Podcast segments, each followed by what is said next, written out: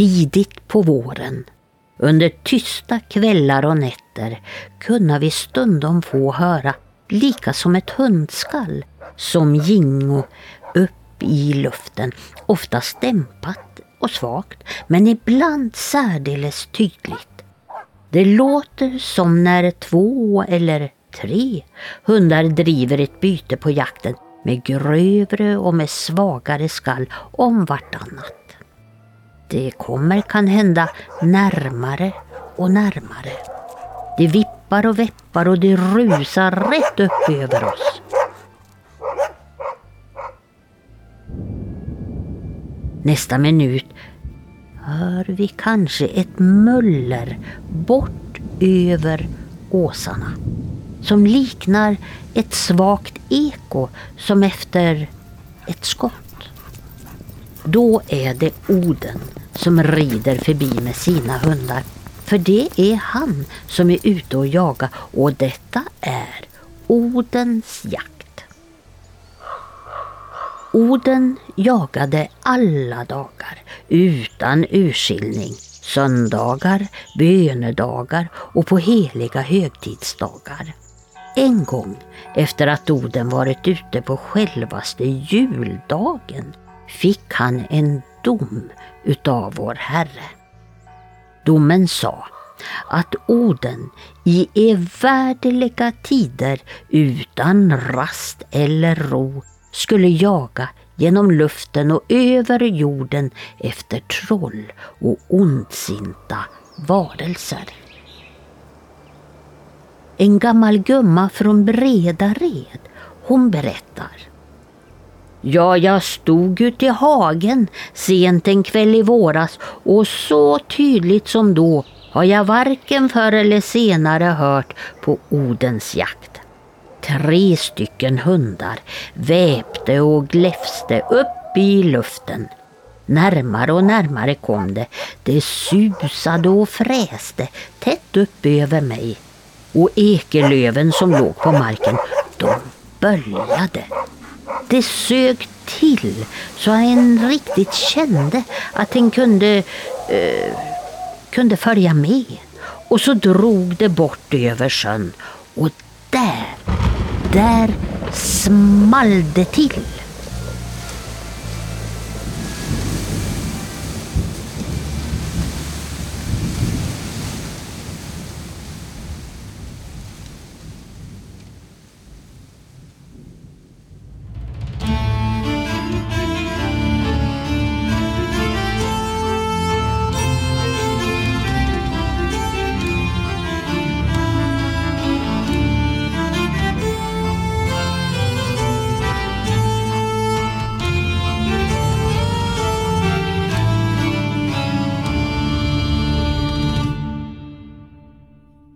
Hej och välkommen till När man talar om trollen med mig, Lars Wahlström, som vanligt, och Tommy Kosela, som är doktor i religionshistoria. Hej på dig Tommy! Hej Lars! Nu är det snart jul och det är mörkt ute. Därför passar det här ämnet så himla bra. Ja, jag tror att det här kommer att bli väldigt, väldigt bra. Vi kommer att prata om Odens jakt som vi fick höra här i introt. Innan vi börjar så vill jag ju som vanligt bara påminna er om att det här är en podcast där vi pratar om folktro och traditioner och myter här uppe i Norden. Och det här är någonting som vi gör på vår fritid när vi, när vi kan och vi har haft otroligt trevligt när vi gör den här podden. Och i år har vi ju faktiskt kunnat vara ute i landet och hälsa på er alla och få göra live-framträdanden och träffa er alla lyssnare som verkar uppskatta det vi gör. Det är jätteroligt. Men vill man lyssna på mer av oss så har vi ju den här Patreon-gruppen där man kan få ta del av spännande bonusmaterial och i stort sett en helt egen podcast vid det här laget. Bland annat den här om fornnordisk mytologi. Och du säger ju själv, det är vinter, vi börjar närma oss jul. Vi ska ju faktiskt släppa ett spännande avsnitt om fornnordisk eller förkristen jul strax innan eh, julafton.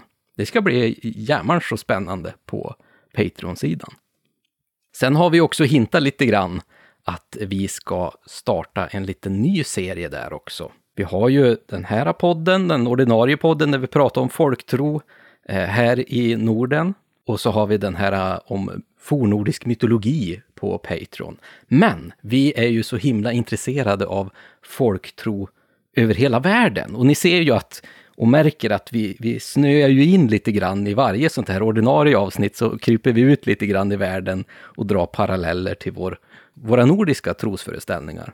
Så därför Tommy har vi ju funderat på att, eller vi har inte funderat, vi har faktiskt bestämt att under nästa år så ska vi starta en ny sån här serie på Patreon. Och vad handlar det om?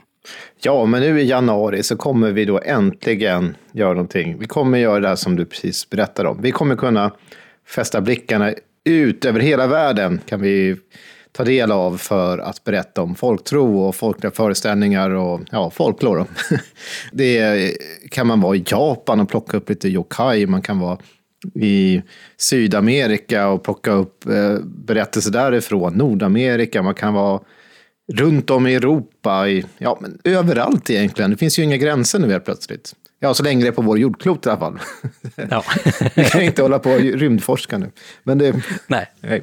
Och, och, det ska bli så himla kul. Och jag tycker att om ni tycker det här låter intressant så ge oss gärna tips på ämnen om folktro eller eh, olika väsen runt om i världen som ni skulle vilja att vi dyker in i i den här nya serien. Och det första avsnittet är ju faktiskt redan bestämt och det blir La Llorona som då är gråterskan från mexikansk folklore. Så det blir det första i den här nya serien. Men sen så är det ju att du sa att det var mycket som gjort i fornnordisk mytologi, den serien vi har där. Men det är många avsnitt, 12-13 stycken är det väl uppe i nu åtminstone. Ja, jag tror att det är någonting sånt. De, de är ju minst, minst en timme vardera, så det är väl... Mm. Ett par är ju betydligt längre så. Mm. Och den kommer vi absolut inte att sluta med, utan den kommer ju fortsätta att gå parallellt med den nya serien. Mm. Du, Tommy. Ja. Det här som vi kallar Odens jakt. Vi hörde här i introtexten som Eva Boström som vanligt härligt läser in mm. på sitt speciella sätt. Och den här texten var ju då ifrån Folkliv och folkminne i Ås, Vedens och Jäsene härader i Västergötland. Det är ju Claes Olofssons verk det här skulle du kunna ge liksom en, en, en, beskrivning på vad, vad, är det här Odens jakt? Är det en, en, en sägentyp? Vad, vad är det för någonting? Vad är det som händer här egentligen? Det här är ett ämne som alltid för mig har varit, jag har varit lite rädd för att närma, det, närma mig det. Mm -hmm. Därav att det är så oerhört stort.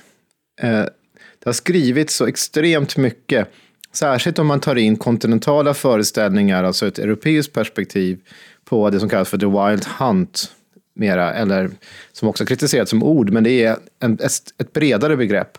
Vi använder Odens jakt av den enkla anledningen att den typen av föreställningar som är så att säga en sägentyp är att en jägare oftast, som är, det är en nattlig ritt och eh, en jägargestalt som oftast är namngiven som Oden eller en annan benämning som anspelar på Oden spränger fram över himlavalvet, åtföljd av antingen andra jägare, men oftast är det hundar som följer med, att man hör skallen.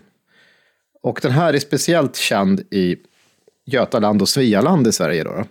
Och inte så mycket överut, längre norrut. I dina trakter exempelvis så finns det inte den här Odens jaktbeskrivningen. Det här blir komplicerat, det är därför jag också blir lite skraj för det här ämnet.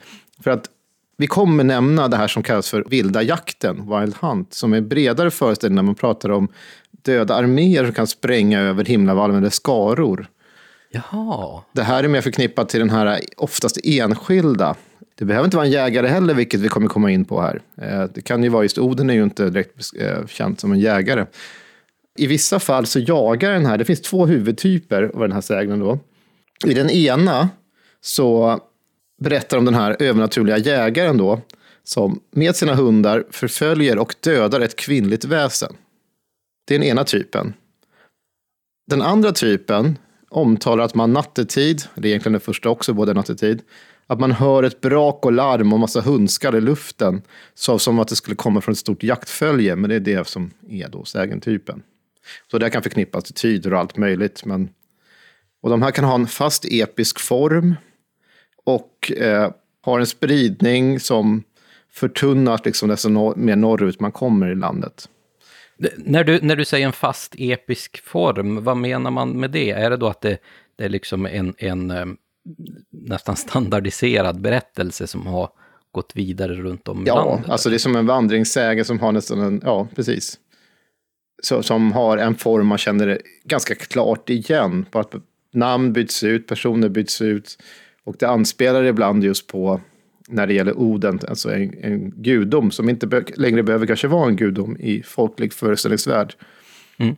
Här i, i texten så fick man ju också höra att det var nästan som någon form av gläfsande eh, läte ifrån de här, vad man antog då var eh, hundar som spränger fram över himlen då. Mm.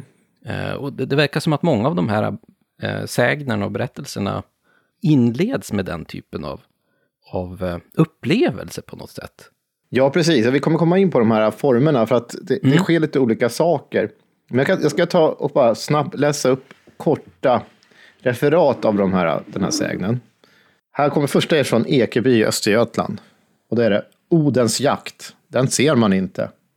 Den går i luften och hörs bara som ett susande. Och så har vi en annan från eh, Halland. Noajakta är en hel flock som far i luften. Det låter som när hundar skäller.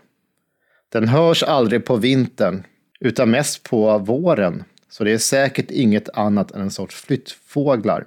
Det här är från Frillesås då i Halland. Och Västergötland har från Od socken, samma den här. Odens jakt är ute och flyger, sa de. Oden vala själva själve hornpär. Han hade hundar som skällde. Jag undrar om Oden inte var en som varit i krig och det var en hel armé som for i lufta. Så det var vårdar efter dem som varit i krig den gången. Så det här är några exempel. Jag kan, bara för att komplicera ytterligare så tar jag ett exempel till då från Västergötland. Från Dalum socken den här gången. Vart hundrade år rider Oden genom dessa trakter och kommer då vid sin jakt att döda människor. Sist man såg honom, det var bortåt Möne eller Kärråkrahållet, hade han en död människa, en naken kvinna, liggande på sin häst. Ute i skogen kan man påträffa hans jaktsällskap. Det är stora förnäma män ridande på stora hästar. Så med de här exemplen jag läste nu så ser man direkt att det är olika. Här har vi inte den här fasta formen, utan här pratar vi om hur det glider samman. Det finns olika typer. Vi har en som pratar om vädertyder nästan, att det är fåglarna egentligen som hörs. En som pratar om den här alltså döda soldaterna och liknande som faktiskt driver över himlavalvet. Och en som pratar om kanske det som är med det klassiska, som vi kommer närma oss mer och mer i det här avsnittet. Hur en jägare driver efter ett övernaturligt väsen, en kvinna, nästan alltid en kvinna, och alltså jagar den. Och en person som nästan alltid är man möter denna, den här först kvinnan och sen jägaren, som oftast då är Oden.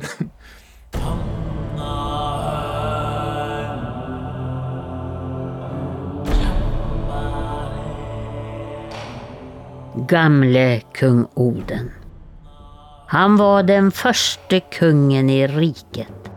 Han ska än idag fara omkring på Billingsbygden och jaga dem som han en gång i tiden haft agg till. Och i sällskap lär han ha sina båda svarta hundar.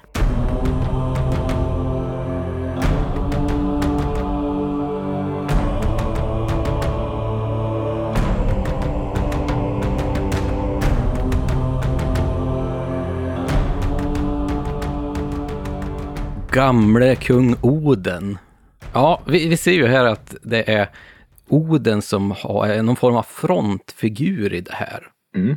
Men du Tommy, vi, vi, har ju i och för sig nämnt att Oden dyker upp mycket i folktron och sådär, men han kommer ju från den fornordiska mytologin. Just den här Odens jakt, är det en fornordisk föreställning? Hur långt tillbaka kan vi egentligen se det här? Här brukar jag ju vara tråkig och tycka att eh, ja, men det är jättesvårt att hitta fornnordiska rötter i det yngre folktronmaterialet. Men i detta fall, när det gäller Odens jakt, är jag inte lika säker.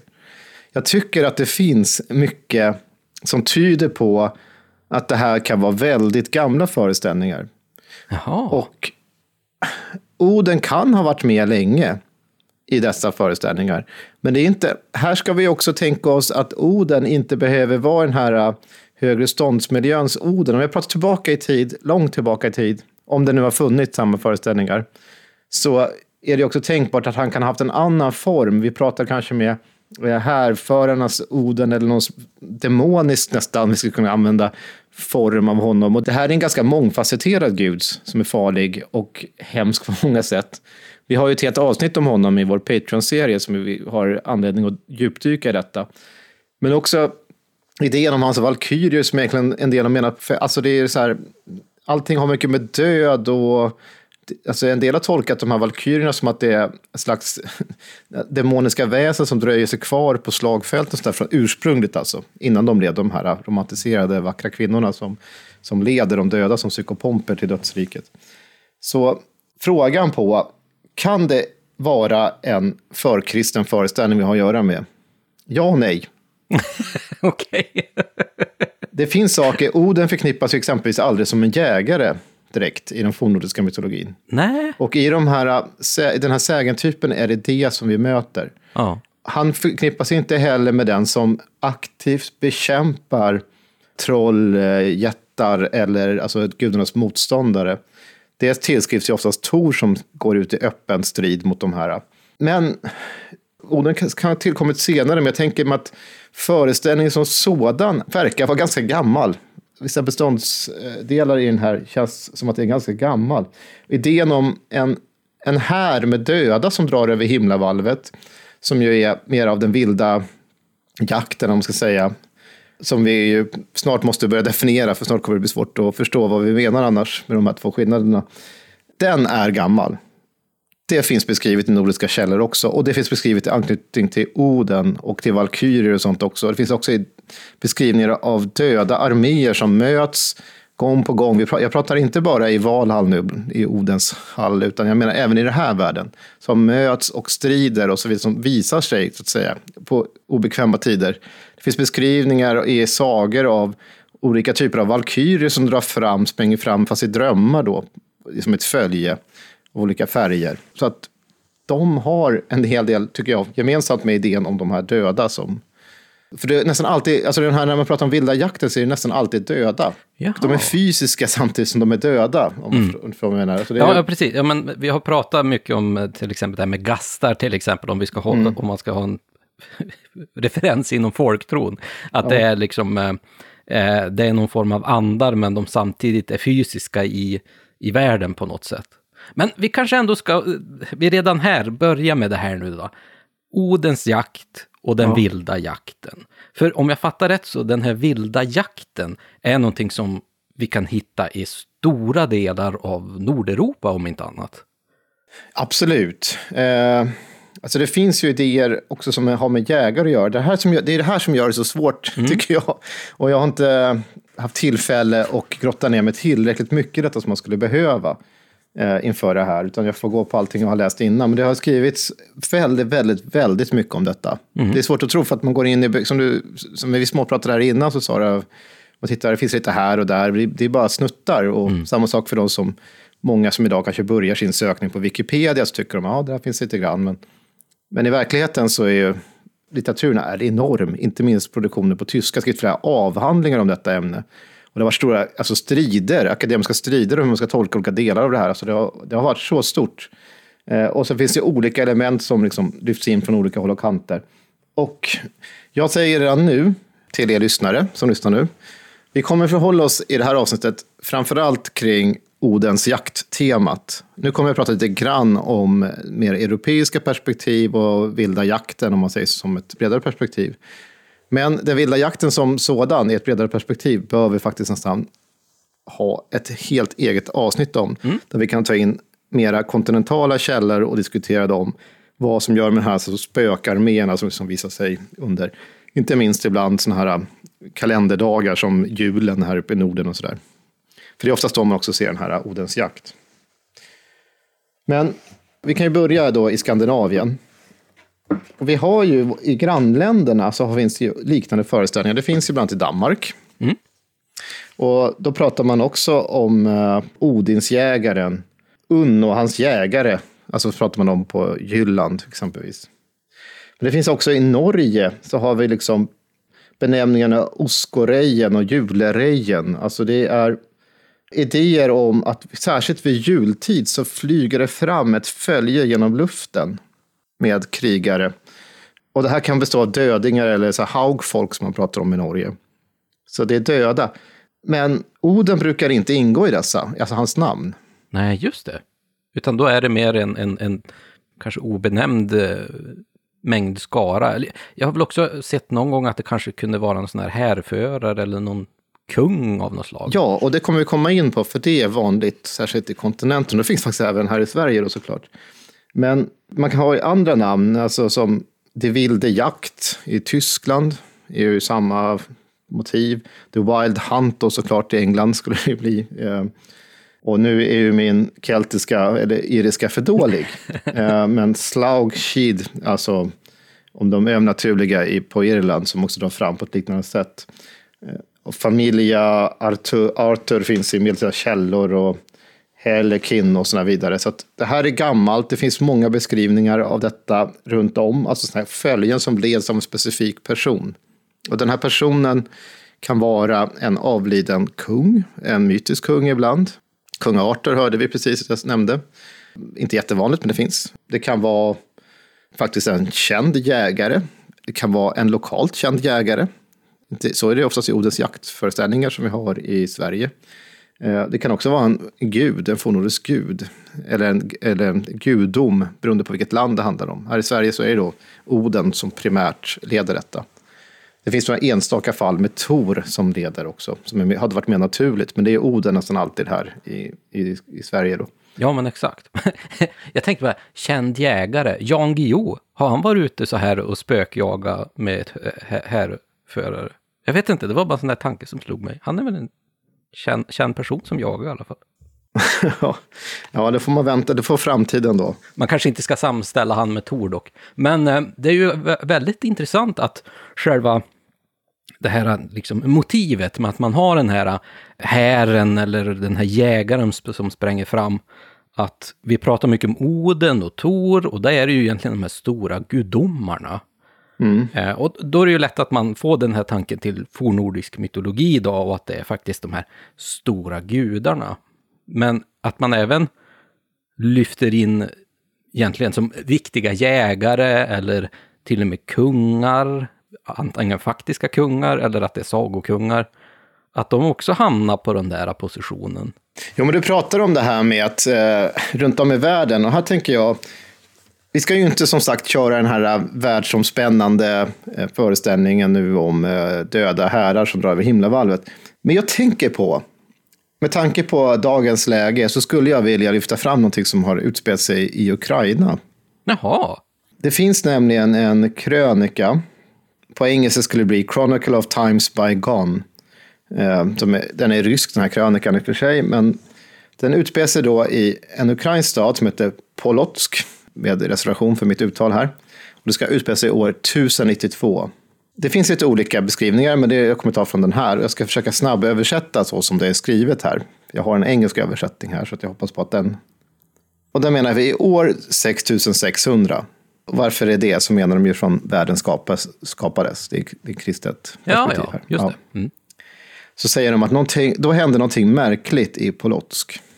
Och jag menar på att det här var skapat av fantasin. det här är ju ett kristet perspektiv.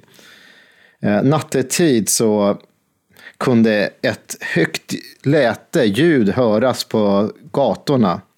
Jävlar galopperade som om de vore människor.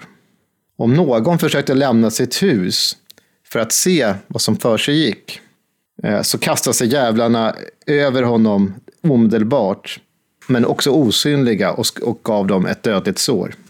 Ingen vågade längre lämna sina hem. Därefter började de här jävlarna även visa sig dagtid på sina hästar. Men det fanns inga sätt att se dem i övrigt. Folk kunde bara se märken efter hästhovarna. Det sägs att de också åt folket från Polotsk och dess närområden. Så folket började säga att invånarna i Polotsk, alla bevis blir mördade. Alla bevis pekade på att de blev mördade.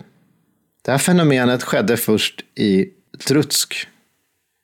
Under den här tiden så var det tecken i himlen, så som ett stort hjul i mitten av himlavalvet. Den sommaren var det så torrt att jorden torkade ut och skogarna brast ut i flammor av sig själva, liksom alltså, träskmarken också gjorde, eller kärren. Det var liknande tecken eller tyd här och där i naturen. Och stora invasioner från Polotjans, som är folk då. Samma sommar eh, så dog Rurik, son till Rotislav. Under den, här, under den här tiden så dog också människor av sjukdom. Så många dog att en del eh, likkisttillverkare då brukade sa att från Sankt Filips dag Eh, till början av eh, fastan så har vi sålt 7000 eh, kistor. Alltså det var väldigt mycket kistor som gjordes då. Nu skedde allt detta på grund av att våra synder hade förökats, alltså mångfaldigats. Gud straffade oss på detta sätt och så vidare. Men här är det intressant, för det som drar omkring och beskrivs på gatorna år 1092 här är ju alltså en armé av döda som märkligt nog också kan visa sig dagstid. Men det är också en av de tidigare beskrivningarna av en här av döda, jävlar i det här fallet. Eh, det är kristet perspektiv. Här kommer man också in lite grann på uppbyggelseskrifter och kristna texter där man ibland kan kanske har omskapat en äldre folklig föreställning men försökt att rationalisera dem utifrån ett kristet sätt att se på världen. Och när man pratar om texter som handlar om det som är Odens jakt här, eller vilda jakten i större perspektiv, så är de kristna texterna ganska tråkiga för att de är ganska repetitiva, de bara upprepar samma saker på, mycket, på mångt och mycket eh, som synder och sådär som har begåtts och därför på grund av X så händer det Y ungefär. Alltså det är hela tiden samma sak. Men det finns mycket andra källor också som beskriver mera med mer detaljer och faktiskt även en del kristna texter kan också ge exempel i sina exempel. Och då kommer vi åt den folkliga föreställningsvärlden. Och då har vi ett helt plötsligt en hel arsenal med berättelser om allt möjligt. Och den här idén om att de döda av något slag visar sig som en här eller som en mindre grupp eller som en jägare finns beskriven långt tillbaka i tid. Och därmed, det är det jag menar på att det är därför jag också tror att samma föreställning har funnits här i Skandinavien. Och jag, ty jag tyckte den här faktiskt var en väldigt intressant text, för att som du säger, många bibliska texter på det sättet är ganska platta, kanske man ska säga, om man jämför i alla fall med mycket berättelser kring folktro. Men den, den har ju verkligen den här mörka delen som mycket eh, östeuropeisk folktro har. Mm. Eh, att det är verkligen de här döda och man fick till och med höra att de åt faktiskt de som de tog reda på. Men den är liksom skriven i bibliska proportioner. Det är det här hjulet på himlen och att du har synderna där också. Så att, eh, otroligt fascinerande text. Vad kul att du kunde hitta eh, en sån här ifrån Ukraina. Det var ju häftigt. Ja, det finns, alltså grejen är att det finns så mycket. Det är det jag säger, att jag sitter här och lite nervös över ämnet för att jag känner att jag vill verkligen grotta ner mig, men jag har tyvärr inte tiden att läsa alla dessa. Det skulle ta flera månader att gå igenom all litteratur. Men jag tänker också att vi pratar om det här med de gamla gudarna och som nu lite grann kyrkan. Och kyrkan har ju uppenbart, det är ju inget tvivel om saken, har ju demoniserat den gamla religionen. Och det har ju legat i deras eh, vinstintresse så att säga, att man gör. Nej, och vi, vi hörde ju faktiskt när du berättade en, lite tidigare här, en, en av de här sägnerna, att man jämställde att Oden, det var ju den här hin håle. Ja. I samma liksom text, att det, man verkligen sa att Oden var hin håle. Och Oden och djävulen har ju länge jämförts, äh, likställts. Mm. Och det finns tidiga rättegångsfall och sånt i Sverige också, där Oden nämns i samband med djävulen, ungefär så att de är utbytbara lite grann mm. i folkfantasin.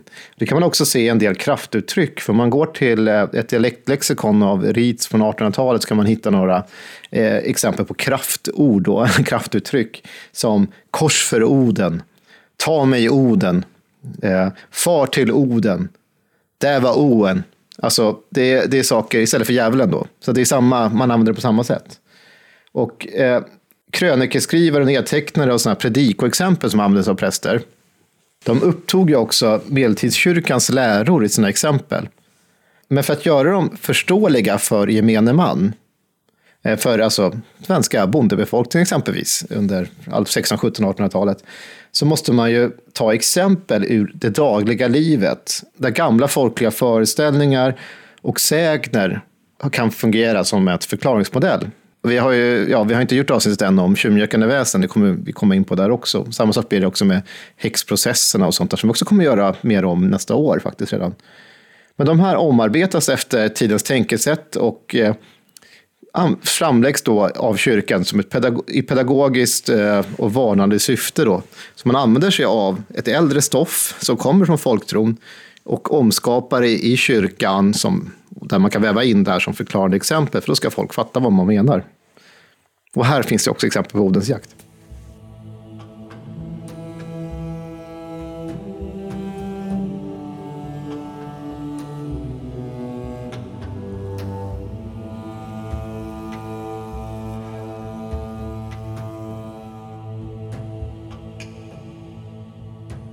Oden, det var en gud som jagade dåliga människor och trollpackor. Och till sin hjälp hade han ett hundkoppel. Sånt talade gamla gubbar om i min barndom. När åskan gick skulle man aldrig gömma sig i ett sandtag, för dit tog trollpackorna sin tillflykt när Oden var ute efter dem. Man sa aldrig att åskan gick, utan man sa att nu är gofar ute. Eller så sa man, nu är goen ute.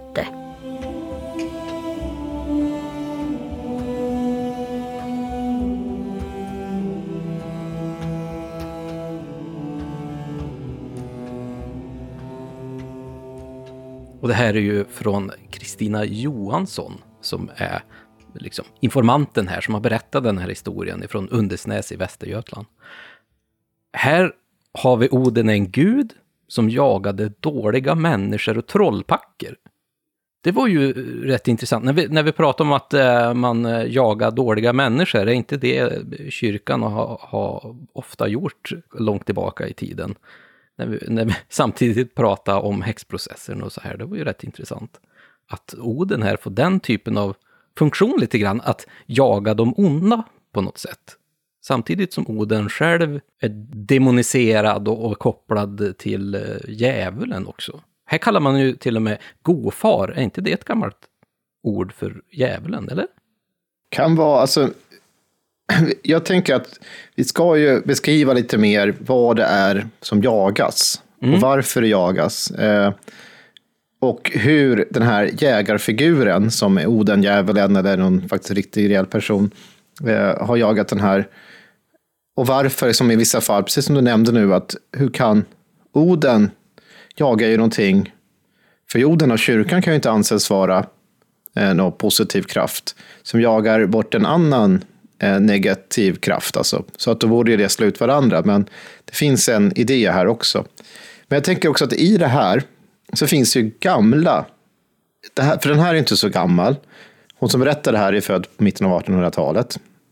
Ja, det är ju gammalt i förhållande till oss då. då. Men, men det finns ju gamla skrifter, eh, från, inte minst från eh, kontinenten. Alltså från sådana här cisterciensermunkars eh, skrifter, uppbyggelseskrifter från 11 och 1200-talet, alltså vi pratar medeltid nu. Så en som heter Helinan von Freudmont och en Cesarius von Heisterbach eh, som har skrivit, har beskrivit en slags demonisk jägare som de beskriver som eh, Infernalis venator, det skriver vi på latin, eh, som förföljer och dödar en kvinna. Eh, och de har berättat det här som ett varnande exempel på de följder som ett otuktigt levande kan få. Och den här kvinnan har då varit en konkubin, en askarinna. Och som gengångare blir det då, eftersom det är sånt här eh, övernaturligt följe, så hon ständigt förföljd och plågad av djävulen i gestalt av en jägare. Det här pratar vi från kontinenten. Så det här är ett, ett, ett gammalt motiv. Och här i Norden så har ju den här, som jag sa, det är nästan alltid en kvinna som förföljs. I största delen av materialet så är den här kvinnan, ett vanligt motiv, är ju det som vi skulle kalla för skogsrå. I andra så är det ett sjörå. Eller så är det ett troll. Då brukar inte könet nämnas förutom att man förstår av kontexten att det är då en kvinna. Kanske har brösten slängda över axlarna och sådär. Och i vissa fall så, är det en, bara, så sägs inte att det är övernaturligt väsen överhuvudtaget. Det är en kvinna bara som jagas. Men även när det står att det bara är en kvinna så brukar den här kvinnan då av kontexten också vara övernaturlig. Eh, det kan vara precis att hon är då trolldomskunnigen, alltså så kallad häxa eller vad man ska säga. Som... Ja, vi får ju höra här att, att han jagar liksom, trollpackor. Och det är ju trollkunniga kvinnor helt enkelt. Ja, och det intressanta är att, liksom att Oden är ett demoniskt väsen som mm. är farlig för människorna att möta även i den här sägentypen.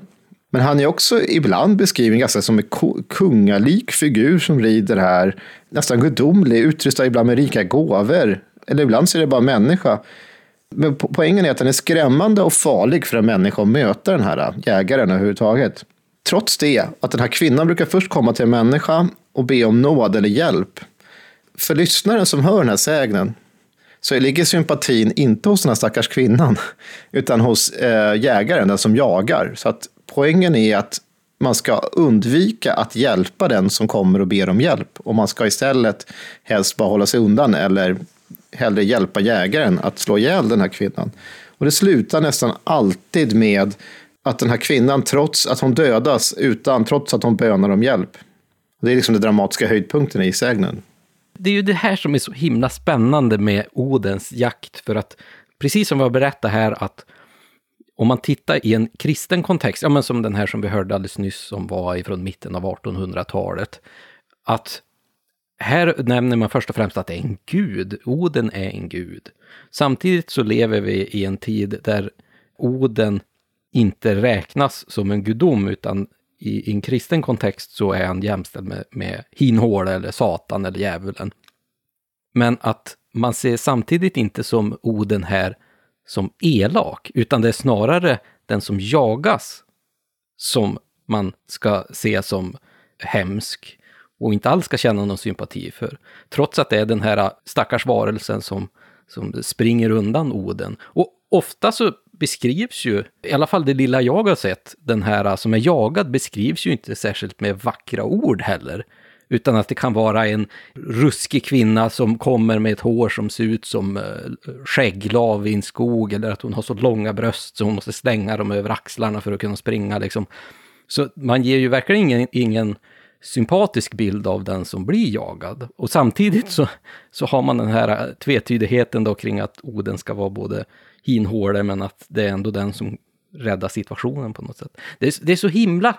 Jag förstår att du har svårt att, att beskriva just Odens jakt i en rättvis eh, kontext. Ja, det, också att det är så många delar i det som ibland, som vi även vi är skyldiga till här. Mm. Eftersom jag redan nu blandar in allt möjligt. Men det, det är svårt också att renodla, för ska vi prata om Odens jakt som att det bara handlar om det här motivet där en jägarfigur oftast beskrivs som Oden jagar en kvinna. Att det är bara det vi ska hantera. Då hade nog många lyssnare tänkt sig, men de har hört det här ordet och på så många andra sätt. Så man måste nämna det. Men det är då det blir så himla komplicerat. men precis, och den här som jagas, det, det kan vara en otrogen hustru till och med. Mm. Som straffas. Så här hade vi ju det exemplet vi fick höra också. Alltså, det här är ju också kyrkans perspektiv på det hela. Så det är ett slags straff att den hela tiden drar runt, runt, runt på det här sättet och jagas. Som en, som en, liksom en varning mot andra att inte göra detta. Mm. Och det är oftast i gengångargestalt de visar sig. Det finns några exempel på ett manligt väsen som också har jagats. Bland annat i Sverige finns från Västergötland och Halland några sådana exempel. Och det är Oden då som jagar, men då kan det vara en gubbe, en trollgubbe, eh, en naken kar finns beskriven. Mm. Eh, en pyssling eh, och så vidare.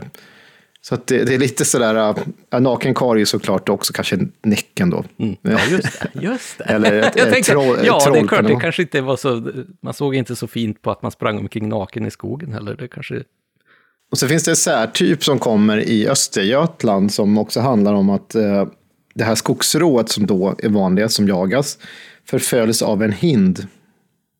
Ja, En ensam hind som jagar denna. Det är framförallt i Östergötland, finns några exempel också från Västergötland. Men oftast är det ju då personer som har gjort någonting som gör att de blir föremål för den här jakten. Kanske det vanligaste när jag har pratat om det kvinnor som jagas eh, är att de har brutit mot någonting. Det finns kontinentala äldre beskrivningar också att en del av de här eh, ja, just har gjort den här att de har varit älskarinnor åt fel person eller att de har blivit bestraffade av någon. Det finns jättegrymma beskrivningar av detta också. Och därmed så blir de alltid jagade. Här i Skandinavien verkar det i många fall räcka med att de är då är då istället övernaturliga väsen. Alltså skogsrået primärt. Men vi har den här med hinden som är också lite intressant. För om man gick i kyrkan under framförallt medeltiden eh, och tittade på de här avbildningarna i kyrkorummet så fanns det också en jägare avbildad. Och det här är inte jättevanligt. Jag tror, om jag frågar dig, vem tror du eh, jagar i kyrkan? En ängel. eh, det, här, det här borde jag ju säkert kunna, eh, men jag kan inte ge det ett riktigt svar. Nej, det är svårt. Det är jättesvårt. Det eh, finns beskrivningar, bilder på ängeln Gabriel som jägare. Ah, jag, giss, jag ibland- gissade faktiskt på Gabriel, det kan jag säga. Ja. Och ibland så jagar han ett, faktiskt en enhörning, så del har tänkt sig på att det kan ha att göra med, alltså den här hinden är med på grund av den anledningen. Så, men det är en gissning. Men det är ju väldigt intressant när du pratar här om hinden. Vi har ju faktiskt en bra berättelse här som vi kanske ska låta Eva läsa upp just när du pratar om den här hinden.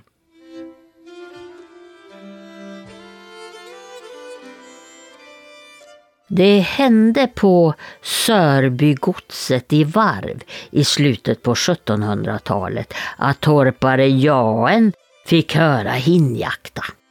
Medan han stod och funderade på ljudet så kom en storvuxen skytt fram till honom.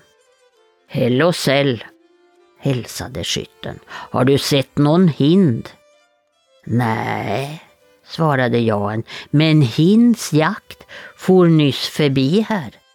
Skytten gav sig iväg i den riktningen som torparen hade pekat ut. Efter en stund kom han tillbaka och då med skogsrået som han nyss hade skjutit. Torparen, han fick en god lön han, för han hade pekat ut riktningen åt det hållet dit jägarens hundar hade hetsat rået. Han fick en hel kappe med säd och det var ingen vanlig kappe heller, utan efter vanligt mått var det inte mindre än tre tunnor och det räckte gott till både brödsäd och såasäd.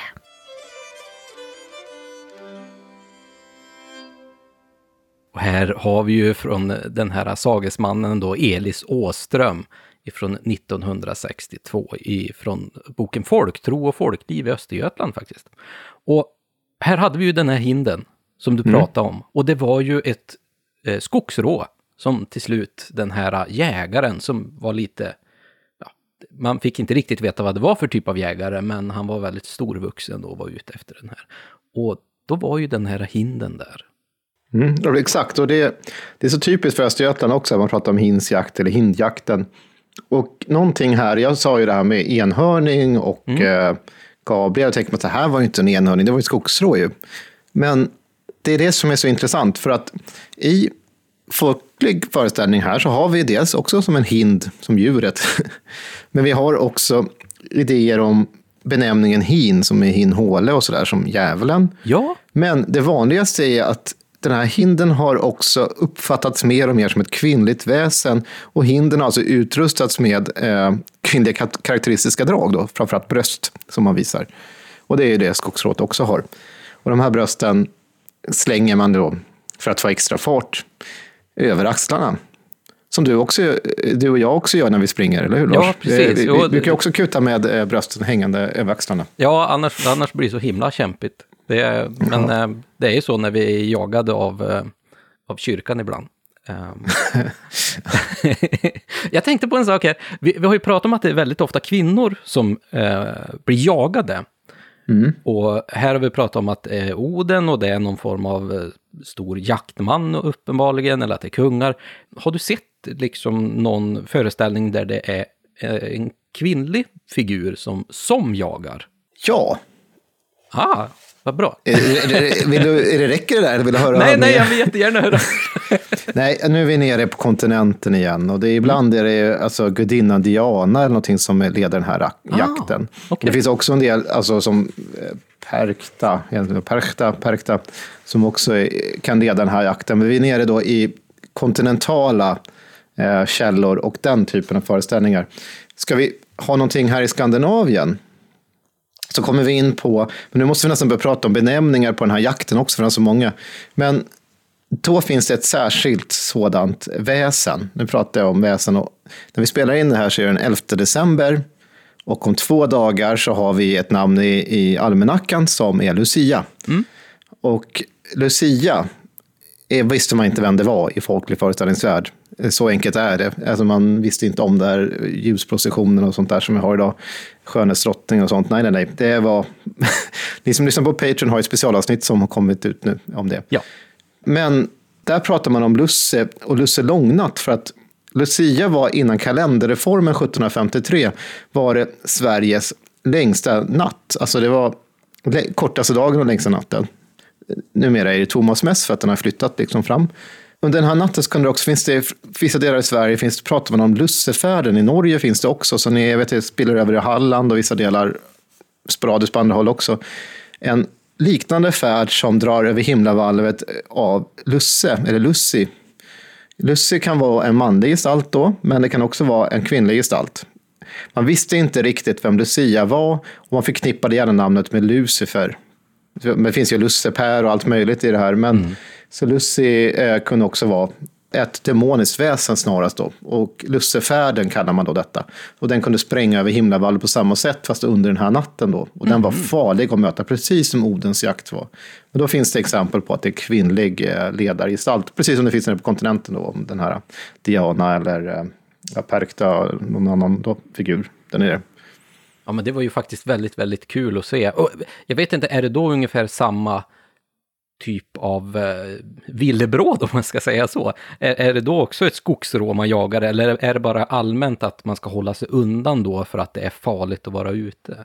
Det är, det är inte ett jakt på ett väsen oftast. Alltså, okay. Det är det som var problemet, jag säga i början, att den här är ju uppdelad i så många delar. Vi har den här, bara vilda jakten behöver ju inte alls ha, som i Norge, och inte heller vanligt att det är just ett, ett eh, den jagar någon av, alltså, av övernaturliga väsena där, utan det är ju bara att det spränger över himlavalvet och skorejen eller så att, att det liksom drar över himlavalvet av följet. Så det finns ju också beskrivet här. Men vi pratar ju om Odens jakt och då är det den här jägargestalten som jagar en specifik eh, figur. De glider så lätt ihop, men egentligen är det lite olika. Så därför brukar det inte alltid vara då eh, någonting som är föremål för jakten. Eftersom det inte är en jakt, utan det är bara ett följe som drar över himlavalvet. Men vad tror du Tommy, ska vi försöka göra det lite mer komplicerat nu då? För att vi har ju pratat här om den vilda jakten och Odens jakt och där har vi gjort ja. en, en liten gränsdragning i alla fall. Men som du säger så finns ju en mängd olika beskrivningar eller eh, vad ska man säga, namn på den här typen av Odens jakt. Vi fick ju även höra här i den här äh, inläsningen som vi hörde alldeles nyss om hinjakta till exempel. Var någon lokal variant antar jag kanske? Ja, Östergötland ja. Mm. Ja, men det finns ju många olika typer av exempel på detta. Vanligt är ju att det benämns Oden, eller mm. varianter på Oden, precis därför vi kallar det för Odens jakt här. Alltså i Sverige nu. Eh, men ett, ett annat namn, en variantform, är Noen, eh, som finns bland annat i Blekinge, uppträder också i östra Skåne som Noa och Noak i vissa fall. Har ju själv, själv här lätt att blanda ihop Noak med Noak i Bibeln också. Ja, visst. Andra namn är Oan, Oajakten, Onsjakt, Oe, Hoan, Hoajakten, Joajakten, Jonjakten. Du hör när lätt det blir att göra ombildningar i munnen. Va? Verkligen. Det och det här är Småland, Västergötland, Blekinge och Småland och så här. Men vi pratade om Norge, eller Danmark med Odins jägare och sådär.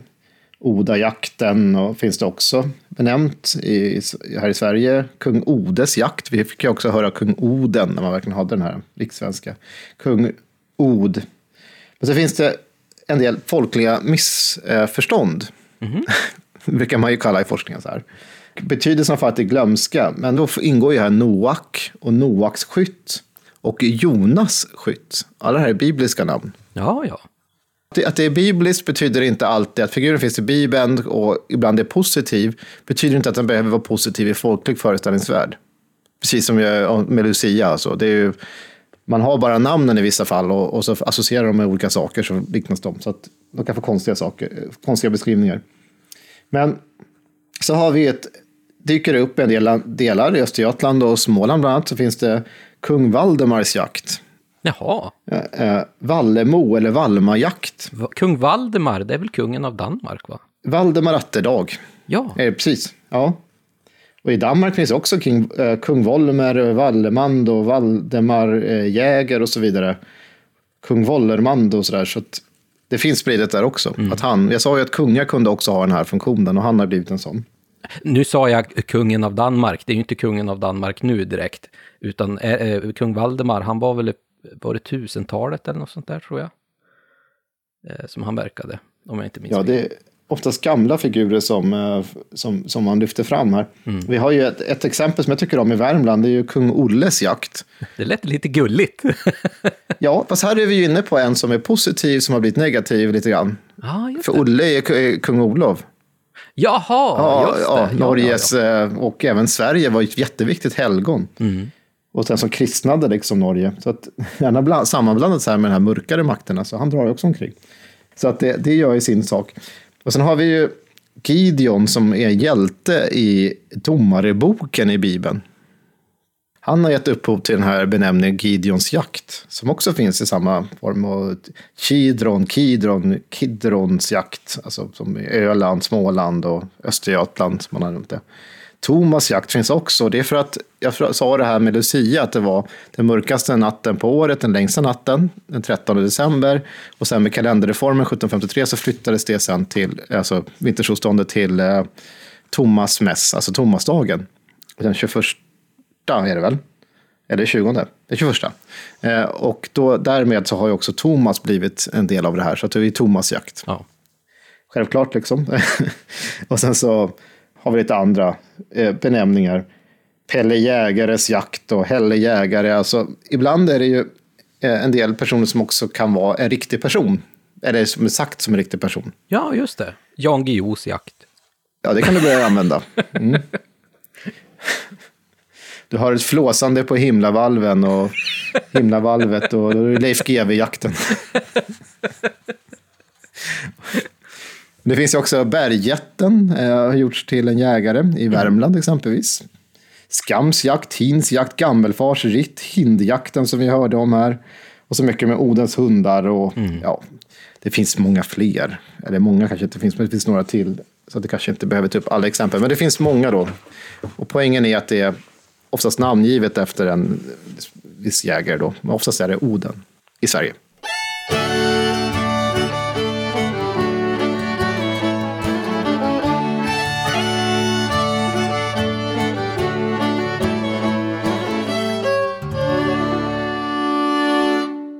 Min känsla, och nu säger jag ju min känsla för att den är helt eh, outforskad eh, och det här finns säkert jättemycket forskning på redan, men syftet med den här typen av sägen, motiv, vi pratar ju oftast när vi pratar om folktron och olika sägner att de kanske har ett eh, syfte för att eh, det ska vara ett avskrämmande syfte för att barnen inte ska vara ute på natten eller inte nära en brunn eller någonting kan man se något i den här? För att eftersom det är kopplat så eh, specifikt till i oftast lokala eller nationella figurer som är väldigt viktig. Det verkar ju vara väldigt lätt att byta ut den här figuren mot någon som är viktig på våran plats, men att själva motivet är, är densamma. Nästan alltid så sker det här mötet med den här jakten på när det är mörkt ute, när det är liksom de övernaturliga väsenas tidpunkt. Det kan vara torsdagar också, eller så är det framförallt jultiden här uppe som är förknippad med den vilda jakten. Så det är tider man ska hålla sig inomhus. Det kan fungera som ett varningsexempel eh, också. Det finns även faktiskt på kontinenten beskrivningar hur man ska skydda dörrar och sånt där mot om man hör ljud ute. Man ska inte gå ut. Då. Sen är det ju precis det här med kristna. Att man, en förklaring som finns många gånger. Att vem är den här jägaren? För vi sitter och tänker på, vi vet ju vem Oden är i fornnordisk mytologi. Det är kanske inte är en bonde född 1619 eh, visste vem det var. Eh, han har, fick höra namnet och då drog slutsatsen att det var en gammal kung, eller framförallt kanske det var en jägare som hade brutit mot eh, sabbaten och varit ute och skjutit och jagat på söndagen. Det är ett ganska vanligt eh, återkommande motiv, att man har gjort någonting och brutit mot liksom, kyrkans bud. Och det här blir ett slags straff, att man för evinnerlig tid får alltid dra omkring över himlavalvet och fortsätta jakten. Och därför ska ju det också vara farligt för andra att eh, närma sig de här pers personerna.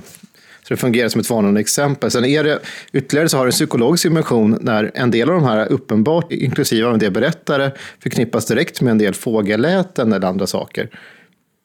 Så att det är en förklaring av också hur man kan uppleva naturen och vinternätterna när det är som mörkast. Och att man kan ju höra de här ljuden som att det spränger fram någonting och nästan se någonting komma springande och sen kommer liksom en, ljudet av en ryttare eller någonting. Oftast är det väl då, eh, om man inte är för kaxig så, så kanske man springer in igen och stänger igen dörren. För man har ju minsann hört de här historierna, de har ju funnits i omlopp länge.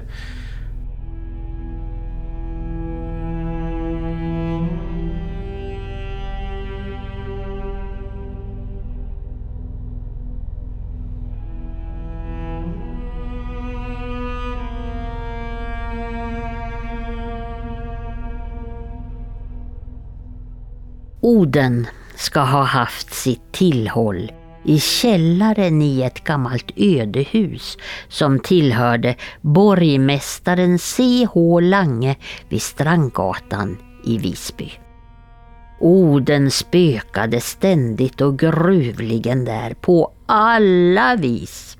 Än gjorde han sig så stor så han kunde stå och med gott mak se in genom fönstren på ett trevåningshus och ibland så visade han sig så helt liten.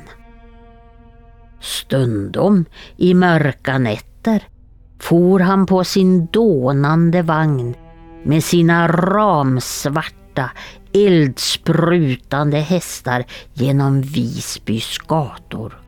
Och då vågade sig ingen människa ut som var rädd om livet sitt.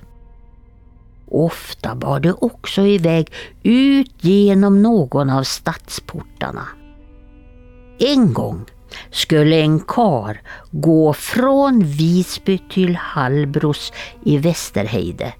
Han gick där i mörka natten och önskade just att någon måtte komma farandes med vilken han kunde få åka.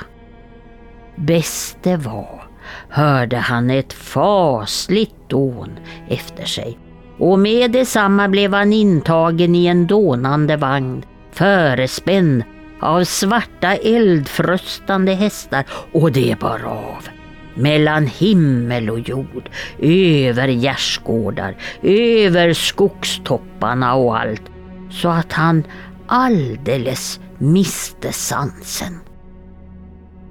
När mannen vaknade upp då låg han i en enesbuske strax bredvid sitt eget hem.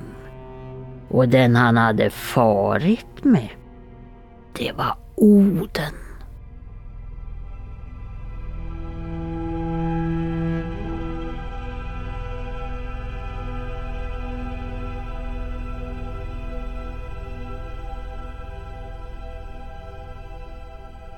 Ja, hörni kära lyssnare.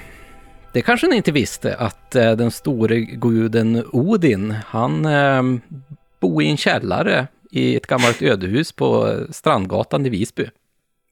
Det är en helt annan typ av eh, asgård, eller? Vad säger du Tommy? ja, jo, men eh, visste du inte det Lars? Medeltidsveckan är ju en del av...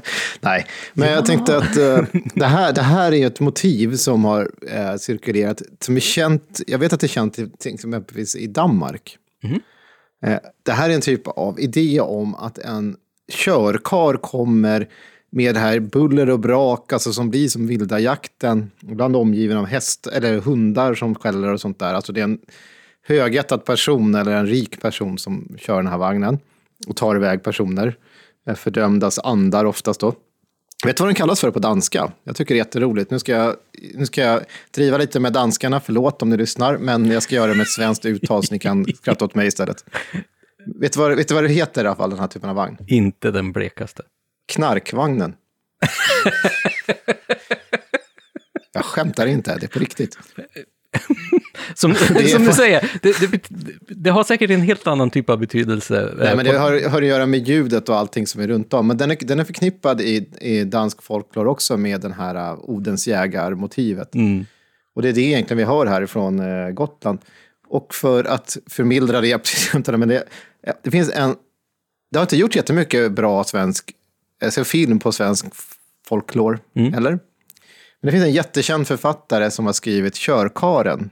Och nu pratar jag Selma Lagerlöf. Och det gjordes faktiskt en kortfilm baserat på hennes novell. Ja, Den kom ut 1939 och det har ju lite grann med samma motiv att göra. Mm. Alltså, det där med, med knarkvagnen tycker jag också är rätt intressant, för han vaknar ju där bara i en enebuske någonstans utanför sitt hem. Så att Ja, men eh, vi kanske också ska säga att vi förstod ju att det här var på Gotland också, det var ju Visby. Och den här är ju då från gotländska sägner, svenska sagor och sägner. Av Säve. P.A. Säve. Men den är ju väldigt spännande. Det är ju väldigt tydligt att det är det här motivet med Oden och att det är den här ritten på något slag, men att vi har den här vagnen också. Eftersom den är ändå ganska så spridd Eh, så måste det ju finnas olika beskrivningar på hur den här eh, jakten liksom går till. Vi har ju hört ett antal här i de här uppläsningarna. Ja, det gör det ju lite grann. Så man kan ju få fram en, en slags eh, mental bild av själva händelseförloppet av att bara lyssna eller höra, läsa de här berättelserna som finns bevarade. Oftast är det ju gläfsande hundar, det är väldigt viktigt. Och den här jägaren som oftast förknippas med Oden då, kommer på en häst. Så det är också ett tydligt eh, motiv här. Och det gnistrar kring hovarna på den här hästen. Det är också något som framkommer många gånger. Och det är på natten. Så det också gör det extra kusligt. Men vi får också mer detaljer och särdrag. Här får vi ett exempel som jag har här framför mig från Värmland, från Millesvik. Och då står det så här. Far min hade varit i Säffle. Han kom hem sent på natten. Då hade han hört Odens jakt. Efter vad far sade så skulle det vara en Oden som var ute och jagade efter skogsråa. Denne Oden skulle ha både bössa och hundar. Han skulle ha rött skägg och en stor hatt på huvudet, står det här. Och eh, det finns ju andra särdrag som framkommer vissa gånger. Det finns ju den här som vi pratade om nu med herremannen som var från Gotland med jaktvagnen och en eller droska då, som körkaren. Men det är oftast någon som kommer, men det är hundarna som kanske är det mest tydliga. Vi har faktiskt det här med rött skägg och sånt där, finns på flera håll. Men också att det är den här hatten, så det är nästan som en, man har slagit ihop Oden och Tor i ett här. Ja, blir... verkligen. Det, det är Tor är ju den här som ska ha det röda skägget, men Oden är ju den här som förkläder sig och ofta går i en bredbrättad hatt, som det beskrivs. Sen att han även skjuter med bössa är ju lite roligt. Ja, och det är ganska vanligt, för ofta är det så här att, så jag säger, jag kan få gå till så här, att du, du är ute, alltså en man är oftast ute, det kommer springandes en kvinna, eh, flyr för livet från någonting, ibland i väldigt hög hastighet, ibland med brösten slängda över axlarna, som vi har pratat om här. Ibland stannar hon upp och ber honom om hjälp. Mm. Om hon vill ha någonting, alltså frågar, ibland vill hon erbjuda lite bröd eller någonting annat som hon ska, han ska ge till hundarna när de kommer, säger hon. Så springer hon vidare, så att han är ett vittne till jakten. Och sen så kommer då en jägare och frågar om man har sett den här figuren som sprang förbi, den här kvinnan. Och då kan man välja antingen eller. Ofta ska man ju välja då att vara på jägarens sida och inte på den här kvinnliga sidan. Alltså så i sägnen i alla fall. Och sen så drar ryttaren vidare när man sagt vart hon har sprungit. Och sen hör man skott. Ett, två, lite olika. Och sen brukar den här ryttaren komma tillbaka och då hänger hon så att säga över sadeln, död. Och då sägs det någonting ibland från jägaren tillbaka att det var tur att man gjorde, att man gjorde som han ville, annars hade det gått illa för en själv ungefär. Så det är ganska vanligt just det här. Från att man har kommit och kvinnan kommer och eh, ryttaren efter och sen så pekas det ut vart det är. Sen är det skotten som är viktiga. Ibland kan man bara se dem dra förbi. Man kanske inte möter ryttaren ens. det är de här skotten man hör. Och så kan man bara se ryttaren. Ibland är det två ryttare. Och då kan de dela på bytet så att säga. Då är kvinnan liggandes över båda hästarna. Mm. Det är inte jättevanligt men det finns också. Ja, men just det här med skotten också. att Jag har sett här i många av de här texterna att det likställs med att det är som ett muller, precis som att mm. man har hört en knall och sen komma det här efterskalvet nästan. Det är som ett muller, ett åskmuller på något sätt, ja. eller en åskknall. Eh, och då ska väl då representera den här, ja, gevärsskottet i stort sett. Men det är lite intressant för att det här med gevär är ganska typiskt tydligen för svenska traditioner. Jaha. Det är ovanligt med att han har spjut eller ett annat alltså jägarvapen. Men i Sverige är det nästan oftast eh, skott. Det kan exempelvis förekomma i danska traditioner som också det här också finns ganska mycket av. Eh, men det är inte så vanligt i Danmark som det är i Sverige. Och i Tyskland saknar exempelvis de här skotten helt i den här typen av berättelser. Mm -hmm. Det är ju lite intressant för att i och med att det är gevärsskott så är det ju ändå kopplat till en viss typ av tidsålder där det finns eh, en, en allmän uppfattning om att man använder gevär för att vara ute och jaga med. Det är inte ett krigsvapen utan det är ett jaktvapen liksom. Och att det här är så framkommet i, i just Sverige är ju rätt intressant då. Det gjorde ju att en, en forskare som heter Valdemar Ljungman, mm. som har också skrivit mycket om det här, eh, gärna ville då säga att eh, han tog det som ett sånt tidskriterium och menade på att den här sägentypen, i alla fall med jägaren som jagar den här kvinnan, av sen ankomst till Sverige och att den är äldre då i Danmark och Tyskland. Men han var ju väldigt fixerad vid att söka alltså rörelser, alltså hur sägner och sagor har liksom färdats över tid och rum. Det här med att eh, de oftast kan få någon form av belöning. Vi hörde ju tidigare här i en, i en berättelse att det eh, rörde sig om att eh, de fick liksom extra mycket hö, liksom. De fick mycket att utfodra djuren med och sådär. Mm. Av den här jägaren då, för att de hade hjälpt till. Är det oftast den typen av belöningar eller har du sett någonting där de kan ha fått en, en skatt eller någon, någon... Den vanligaste belöningen är egentligen att eh, ryttaren som, som färdats förbi jägaren, alltså Oden, har tappat en hästsko. Jaha. Eh, av silver eller guld. Och eh, det är den här som då eh, ges i gåva till den som har hjälpt jägaren. Den som har sett där. Det är den vanligaste typen av gåva. Så det är väl det vanligaste. Annars finns det ju pengar och det finns också exempelvis pengar som om man trycker fram handen för att ta emot pengar så bränner de hål i handen. Eller i, handen eller i hatten som man håller fram. Så att man inte kan behålla den.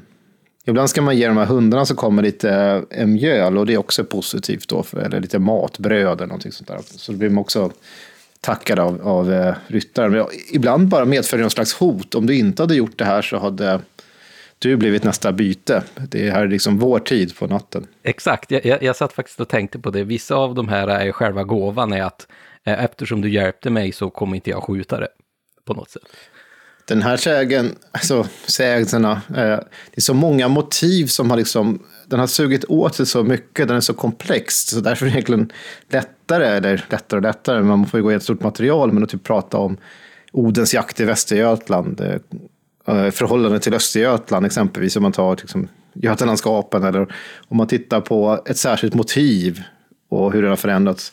Nu blir det så allmänt, vet, så löst. Så det, är, det, är så, det, det, är väldigt svårt, känner jag personligen. Men, och jag hoppas att det, att det är lyssningsbart för er som sitter och lyssnar på detta ändå. Det, det hoppas jag också. Men för att förenkla det här lite grann så kan vi ju ta och lyssna på en till eh, mm. text här som Eva har läst in. Och sen är jag lite intresserad faktiskt kring forskningen kring det här. För att du säger att det finns ju flera hyllmeter bara om ja. just Odens jakt och den vilda jakten om inte annat. Men vi, vi tar och lyssnar på en liten text här.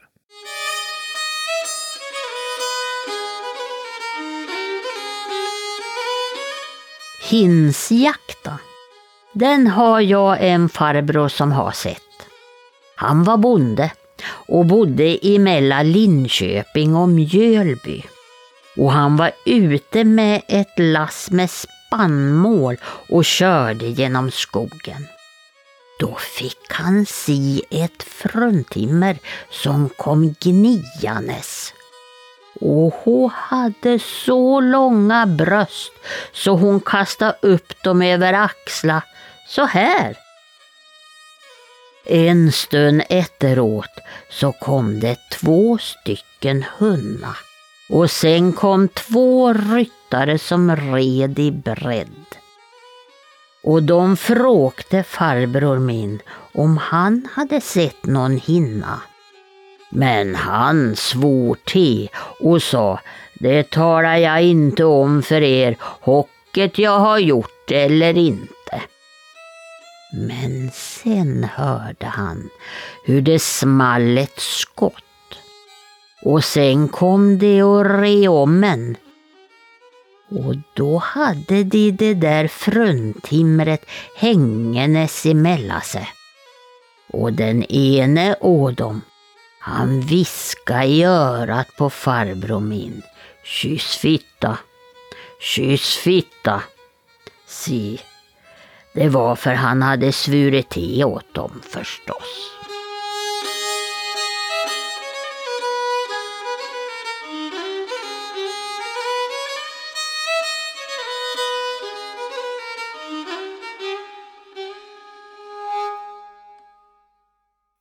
Här hade vi ju en, en eh, väldigt intressant text ifrån östgötska folkminnen som är samlad av Sven Råtman. Då.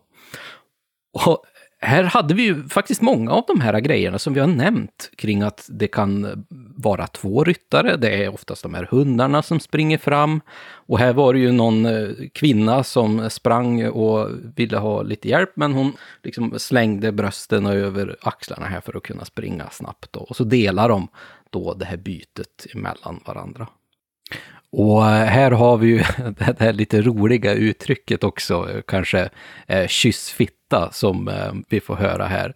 Men vi ska ju tänka här att det här är ju, för det första så är det ju dialektalt och sen är det ju egentligen en gammal benämning för att, ja, typ ta dig i häcken eller något sånt här. Eh, så att det är mer som en svordom då, eh, istället för kanske det mer vulgära som vi skulle koppla det till idag. Det finns ju olika sätt. Oftast är det ju att man ska... Om, det här går ju väldigt illa för det här övernaturliga väsendet, den här kvinnan.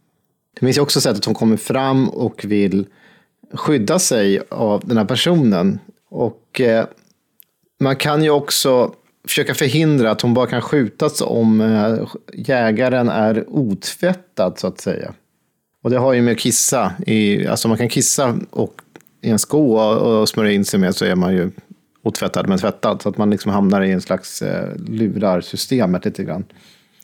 Men det finns den här kvinnan som kommer och söker skydd ibland och det här är lite intressant. Hon kan ibland använda sig av en del skyddsmedel som är uppenbart nästan är kristna i sin karaktär. Och det är som kors eller bröd. Bröd är också kristet för de kommer ju till nattvardsbröd och sådär. Och det här är samma medel som man använder sig när man skyddar sig mot övernaturliga väsen överlag. Och det är ju jättekonstigt att hon egentligen använder detta i den här. Ja, nu är vi ju inne i det här igen, att är Oden den här hinhåle djävulen, eller är han den som är ute och liksom räddar folk ifrån onda makter? Men här kan ju tydligen den onda makten som antagligen är en trollpacka eller väsen, använder sig av kristna symboler. Det, det är väldigt Det finns ju ett annat exempel från Gotland som jag tycker är intressant av Pia Säve här från 1800-talet, som, från Garda socken. Då, då. Mm. Eh, och då berättas om att, eh, att den flyende kvinnan eh, möter då en bonde och eh, säger att han ska skriva ett kors i väggen för att rädda henne. Hon uppträder alltså som en mänsklig varelse i det här fallet då, som är i behov av hjälp mot någonting djävulskt eller övernaturligt som hotar henne. Och han skriver så här, kom en löpande kvinna med flygande hår och hängande bröst ropandes, hjälp mig, hjälp mig, och bad honom skriva kors i väggen. Det bonden också gjorde. Snart kom den håle farandes och eh, bonden måste bekänna vad han sett och stryka bort korset. Den håle kom tillbaka med kvinnan hängande död på hästen då han sade Sade det gott dig om du ej sagt mig sanningen.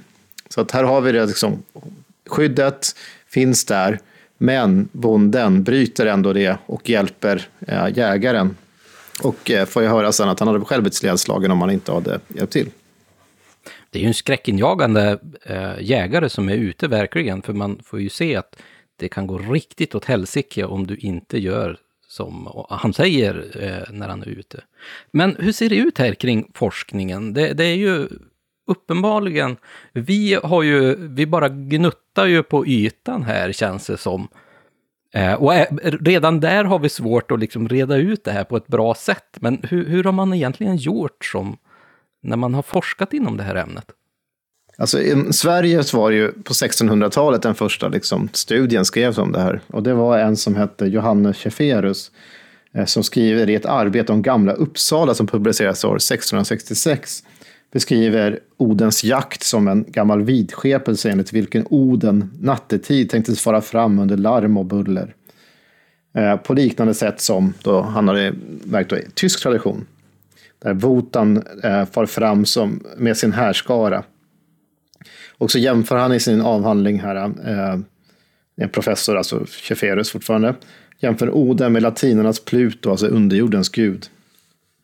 Och sen så samtidigt gav sig Tyskland ut en uh, annan text av en Hilscher som heter Disputatio Philosophica de Furioso Exercitu som uh, fortsatte sen uh, också handla om det här. Sen kommer kända personer som Axel Ulrich i Danmark, alltså 1901, Dessförinnan eh, Wilhelm Mannhardt i Tyskland och Jakob Grimm då, som är en av bröderna Grimm som på alla tre har skrivit om detta, det här sägarkomplexet. Och flera avhandlingar skrevs om det. I tyskar finns det åtminstone tre som skrevs mellan 1914 och 1951.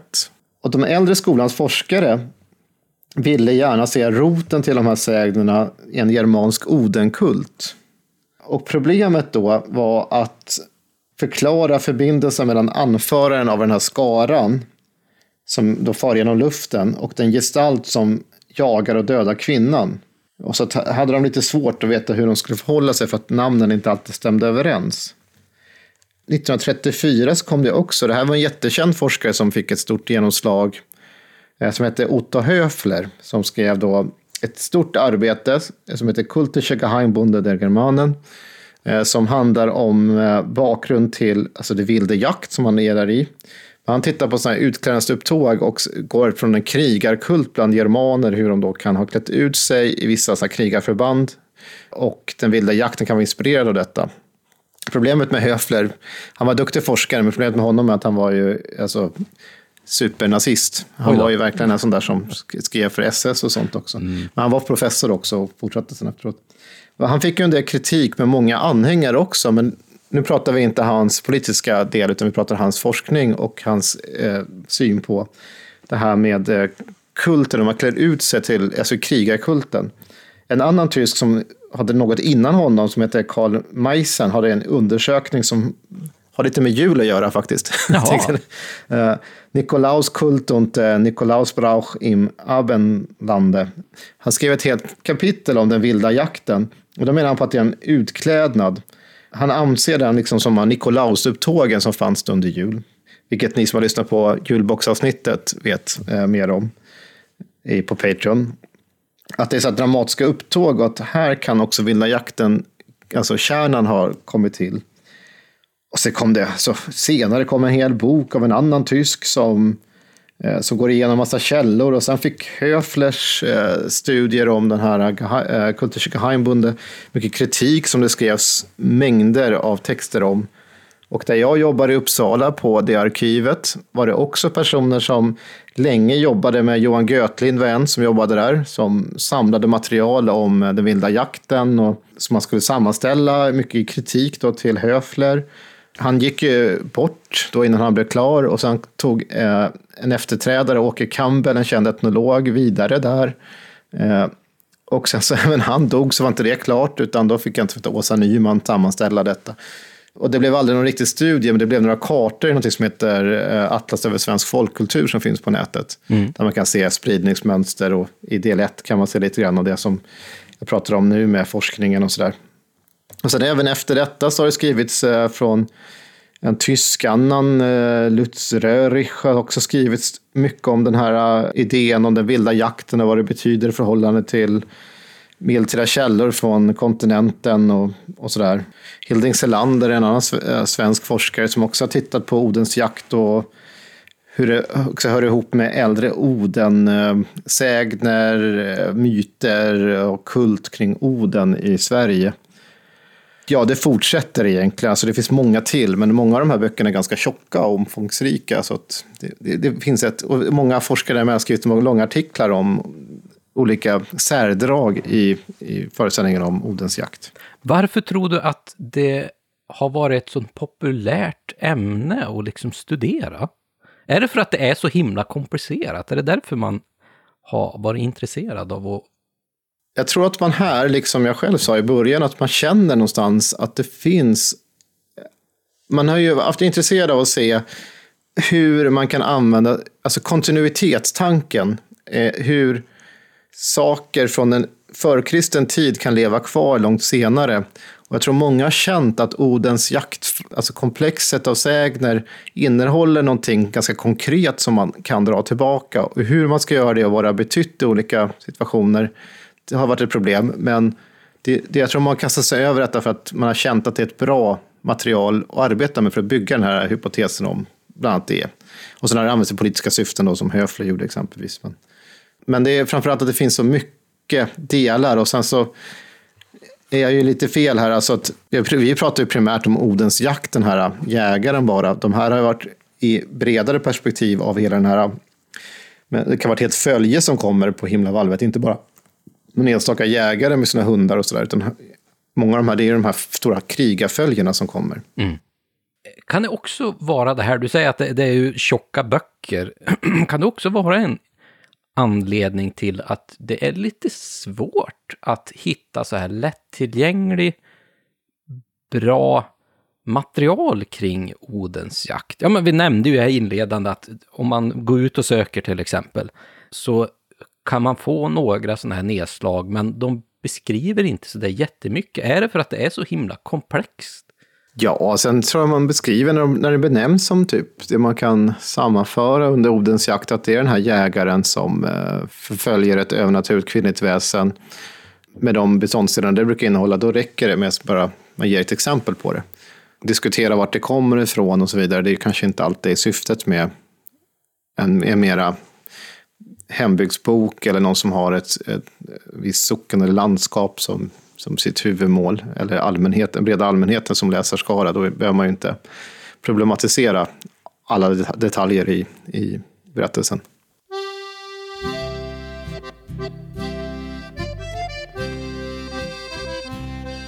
En gång, när de äldre utav barnen var små, då vaknade mor och jag av ett förfärligt hemskt ljud.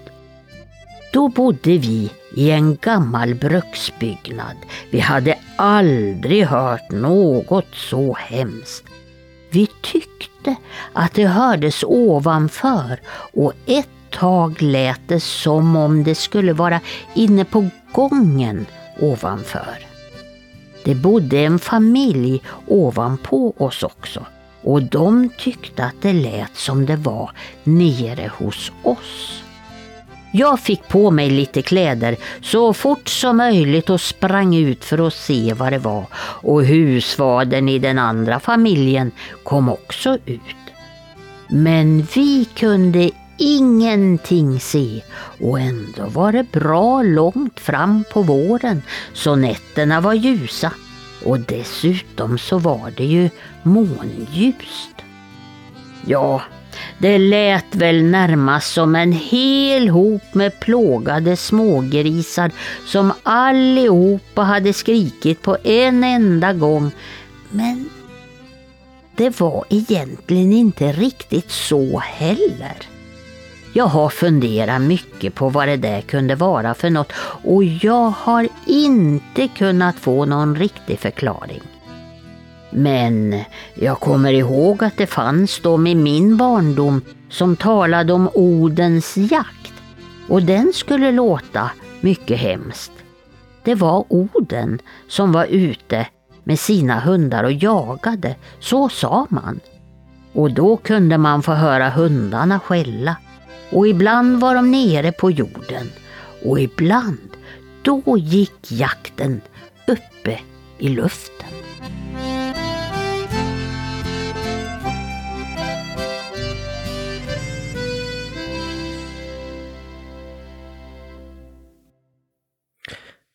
Ja, det här var ju liksom en, en vad säger man, en förstahandsupplevelse av G.V. Lundberg ifrån Ekshärads socken i Värmland ifrån 1867.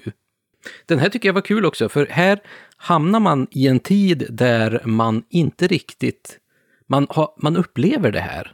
Det här mm. som låter där ute, som far över huset och till och med grannen hörde det här. Men man visste inte vad det var. Men att i dennes barndom minns man att man hade pratat om någonting som hette Odens jakt. Och då kunde det låta så här fasligt över himlen då. Man får liksom se i ett perspektiv där man har en brytpunkt där de här berättelserna inte riktigt lever kvar i medvetandet på ett sätt. Men ofta var det så när man samlade in ett material och pratade, alltså då, då var det många som menade på att de, de hade en äldre berättartradition som gärna vill säga att de tänkte si och så. Och sen så blir det så att man själv upplever någonting, eller någon nära. Då får man den här förklaringsmodellen. Och innan det konkurrerar med, med alltså skolor och sånt så blir det ju, ja, men det är ju klart att det är så. Alltså den här farmor har ju berättat vad det är och då förs det ju vidare. För då kan man, blir ju självklart om du har barn själv och som upplever något liknande, säga, ja men finns man ju själv, ja men det där är förmodligen Odens jakt, för man har hört det och så förklarar man vad det är. Det finns ju ett exempel som jag har här från Nottebäck i Småland och då sägs det En gång hörde Kristina Svensson Odens jakt. Det var som om hundar jagat över henne. En jakt med skällande och brak som av många riktiga hundar. Det gick upp i luften mellan Norragårds Gårdslöcka och Hällahallskällan och Ryssboden. Det är inte mycket mer än så som beskrivs, men det är ett ljud man hör. Och jag har en annan som jag tycker är nästan ännu roligare som kommer ur från Åland. Det är ju svensktalande där och så har hon sagt så här. När grågässen kom och flygande vårar och höstar brukade man tala om Odens jakt. Där kommer Odens jakt, där ser ni Odens jakt, eller där är Odens jakt, vore de vanligaste uttrycken står det en artikel av Sven Andersson som har skrivit i Budkavlen 1942, som handlar om Åland. Vad spännande, för här är det ju direkt kopplat till en flock med fåglar som flyger. Mm. Det finns en annan från Halland som säger så här, några hundar har jag hört. Det var en gång vi vore ute vid påskvaka. Det låter som när hundar skäller, men det är inget annat än en hoper fåglar som har ett särskilt läte i Förlanda då. Så visst, jo, den här beskrivningen att det är, det är egentligen hundskällandet som jag hörs oftast. Men en del har ju tänkt att det där är vissa fågelarter som skriker på ett visst sätt under de här vinternätterna. I det här fallet var det i och för sig påskvaka, men det finns, ja, det skiljer sig åt. Men att då har man liksom tagit, det är naturens ljud som har förklarats på olika sätt. Och har man förklaringsmodellen av att Odens jakt är någonting som är helt naturligt i ens världsbild, då, då är det lätt att tänka sig att när brakar och låter på ett visst sätt med massa ljud, ja, men då är det ju såklart Oden som är ute och härjar, eller vad nu hette, i olika varianter. Men Tommy, jag, jag, sitter här och skruvar på mig lite grann. Jag blir lite, lite irriterad faktiskt. Så här.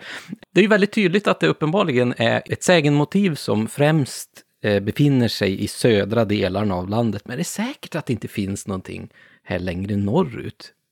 Nu blir du ledsen för att det inte är någonting uppe i, ja, i dina trakter jo, jag, tyck, jag tycker att det, vi har ju fåglar här uppe också. den är ju så Va? utbredd. Har ni fåglar i Norrland? ja, jag kan säga så här. Det finns en beskrivning från Jokkmokk. Jaha. Och, och, och, nu är du nöjd. Det, det är långt det är väldigt det är långt jättebra. Det är jättebra. Eh, Samuel Ren eh, beskriver bland eh, samerna då, mm. hur man juldagen offrar åt, citat, det omkring vandrande julefolk som det då menas skulle färdas omkring i luften. På citat. Ah. Nu är vi inne på den här alltså, hären, eller vad ska jag säga, som mm. finns. Som drar runt. Men det finns också beskrivet i Jämtland, i Ångermanland, eh, liknande också. Men då är det återigen den här, alltså luftföljet med, som drar omkring i, i luft, alltså inte jakten med Oden som drar fram. Det finns ju från eh, benämningar, men man har inte själva sägnerna och det är jägaren som drar. Man pratar om Odens flöj i Jämtland, i Ström, i Oddanet räck i Stugun i Jämtland. Eh, men det är liksom uttryck som finns, men det är inte den här beskrivningen då av jägaren som jagar ett skogsrå, eller i ert fall hade det varit vittra. Och det säger ju inte att man inte kan hitta det, men det är bara att det inte, och hittar man det så är det väldigt ovanligt och det är förmodligen inte en del av den vanliga folktraditionen då. Som, inte i de områden man har mycket upptecknat. Mm. Nej, nej och det, det, kan jag faktiskt köpa. Och sen har vi ju faktiskt sagt att vi ska förhålla oss till Odens jakt i det här ja. avsnittet också. Så att, fine, Tommy. Men det var jätteroligt att höra att det, det är själva företeelsen även finns i vissa delar här uppe också. Det är ju mm. skitspännande.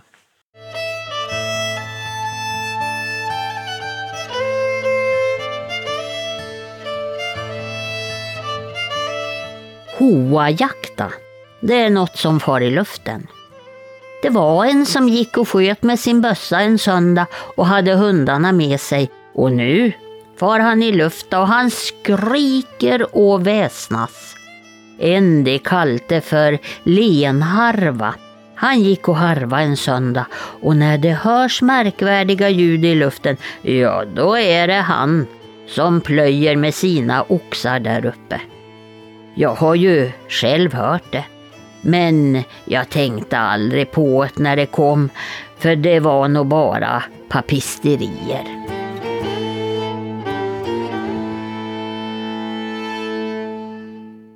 Ja, vi ser. Det behöver ju inte vara just en jakt, utan det kan ju lika gärna vara någon som är ute och plöjer också.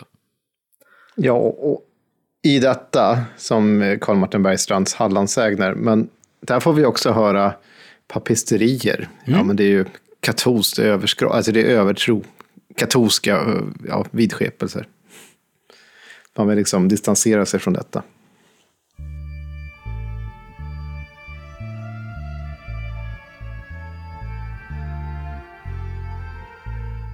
I Gårdsby, det var en gång en käring som satt och sydde i en stuga och hade dörren öppen. Hon hade lagt ifrån sig saxen på tröskeln. Och bäst som det var så kom en skogsrova farande förbi och hon sa Ta bort klippen! Nej, klippen får ligga, sa kärringen och skogsrovan fortsatte då iväg. Se, hade hon tagit bort saxen, ja då hade skogsrovan kommit in i stugan. Men efteråt hördes ett skott och sen kom Oden rianes förbi med skogsrovan. Se, då hade han kan veta skjutena.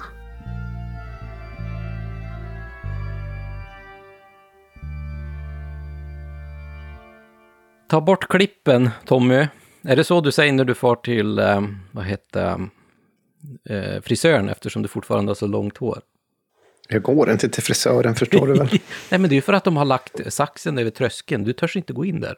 Nej, jag tror inte stål. Nej. Som det är, nej, jag, är, jag är troll. Jag är troll. Precis. Och jag antar att just den här saxen, den kanske låg där och formade ett kors som är väldigt vanligt när vi pratar om folk tror att det ska skydda emot eh, onda väsen och varelser. Ja, och så blir det det, så för de som, inte, som lyssnar som inte förstår, eh, förstår vad, vad ett kors, men det är om man öppnar en sax så mm. blir den ju ett kryss, men det blir som ett kors då i folklig föreställningsvärld. Och här har den ju då sett till att lagt den där så att skogsrået i det här fallet, eller ja, skogsnuvan eller vad jag skulle ha sagt där nere, inte kommer in och får skydd från jägaren. Så att personen i fråga har ju faktiskt eh, i vanlig ordning, som vi precis har pratat om här, har inte hjälpt det stackars eh, övernaturliga kvinnliga väsendet och istället sett till att jägaren, Oden i det här fallet, får skjuta sitt villebråd. Och kvinnan är ju då, eh, villebråd låter så grymt, grumt att säga i det här läget, men ja, det är det så som det beskrivs i alla fall.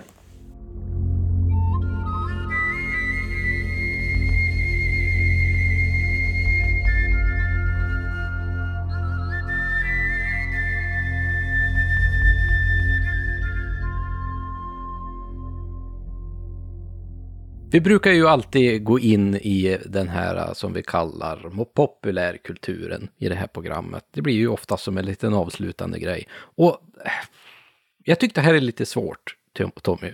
För att eh, nu har vi ju avskärmat just Odens jakt ifrån den vilda jakten, som är ett ännu större tema. Och hur ska vi kunna lyfta in det här då i populärkulturen?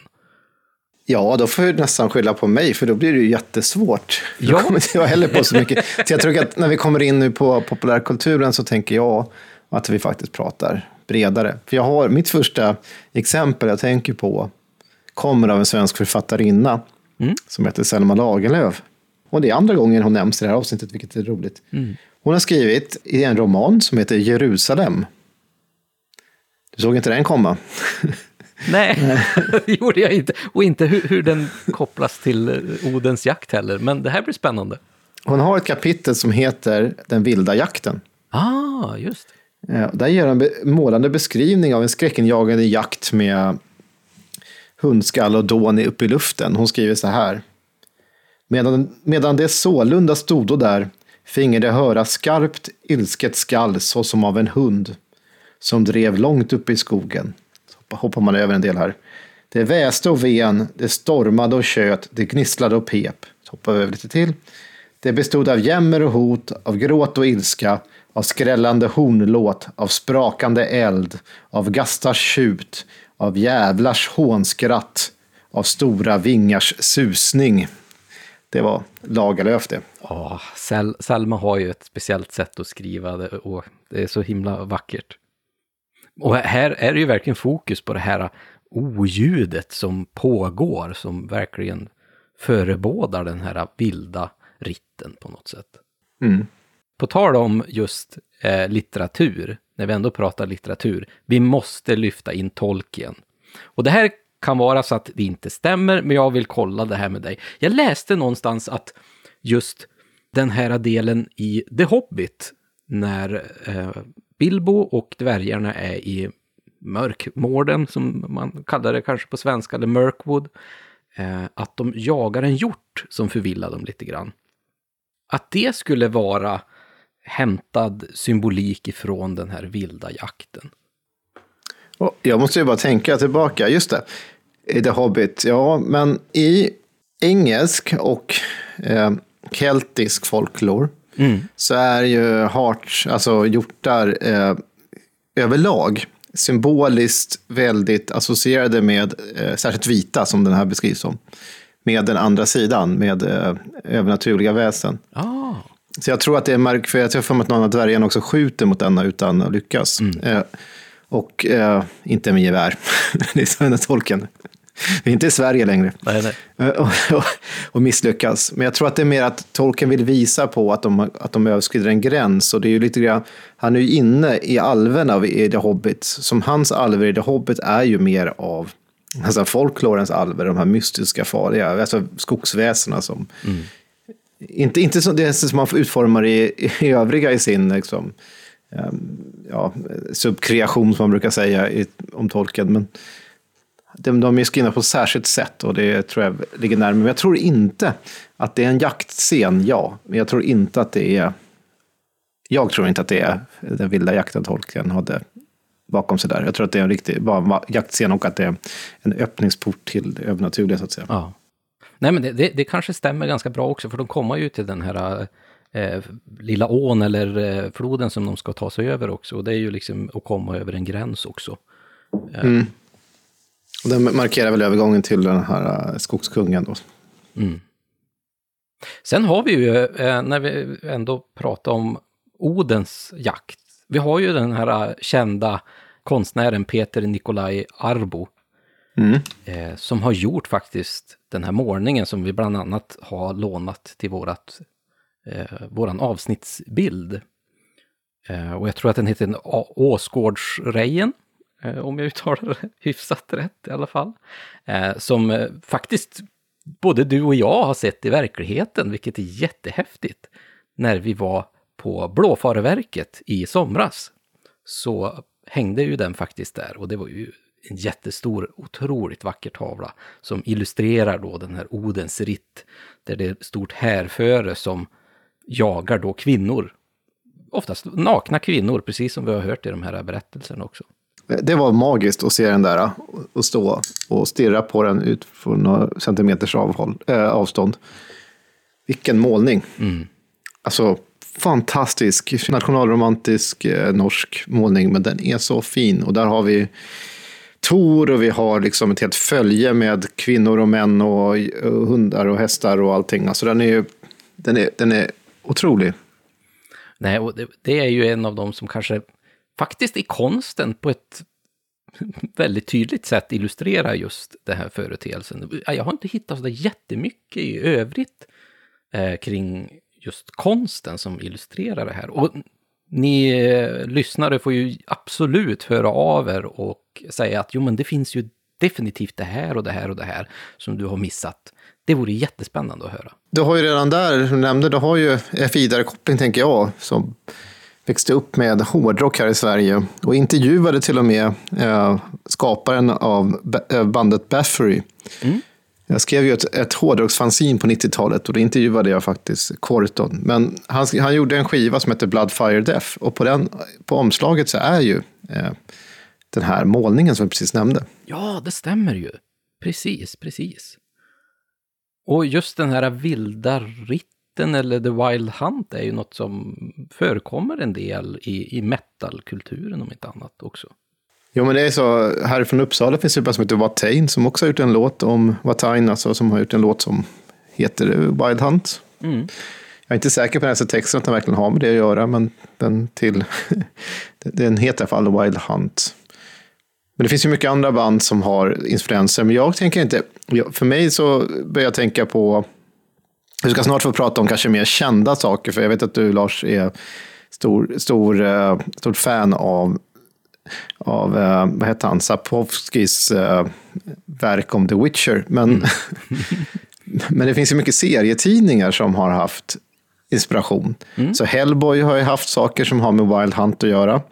Men Marvel har ju också gjort med Tor-serierna där eh, den här svarta alvskungen då eh, har Malek, Malekith heter han väl, ja. har lett den vilda jakten. Ah, okej, okay, ja. just det. Men just den här du nämnde där, eh, Sapowskis eh, The Witcher. Mm. Och den har ni säkert eh, sett nyligen på Netflix, det ska väl komma en säsong till. Och den är ju då baserad på Sapowskis eh, bokserie. Och där är just The Wild Hunt, som man kallar det, en stor del av just själva berättelsen. Hela den här eh, serien The Witcher är ju väldigt mycket inspirerad av östeuropeisk eh, folktro och mytologi. Och att här är då den här uh, The Wild Hunt en, egentligen en nästan in-game mytologi kring att det är spöklika ryttare som är ute och jagar. Men eh, förklaringen är egentligen att det är då liksom alvkrigare som bryter sig in i den här världen för att stjäla till sig olika slavar egentligen. Eh, I den här serien så är inte alverna i andra världar särskilt snälla direkt. Nej, och det är inte alltid de behöver vara det. Jag tycker om den där, det där greppet att man helt den anpassar det. Jag kom på någonting annat. Det har ju inte riktigt med populärkultur att göra, men jag var redaktör för en bok för ett antal år sedan som heter uh, Folk Belief and Traditions of the Supernatural.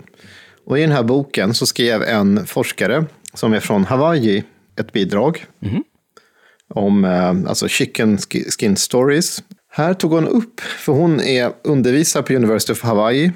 Och där fick, eh, varje år så får de liksom höra så här traditionella lokala berättelser, också de som är då födda, alltså vad är de för polynesier? Hawaiianer. Och de har ju e- en egen liksom, mytologi som är fascinerande där, men de har något som kallas för alltså, night marchers på engelska skulle det bli. Alltså andar som drar fram, alltså, som hon hade elever som själva hade menat sig ha sett. Alltså traditionella gamla krigare ur den här kulturen som drog fram. Och det var som följen också. Så de här krigarföljen, nu är vi som verkligen ute i den här vilda jakten eller de här krigarföljerna som drar runt. Men jag, tänk, jag kommer bara komma att tänka på det, för det är, det är ju helt i modern tid. Någon som har, och hennes studenter, det var inte en, det var flera stycken som hade olika, och då också som hört minnena bakåt till äldre släktingar som har sett där.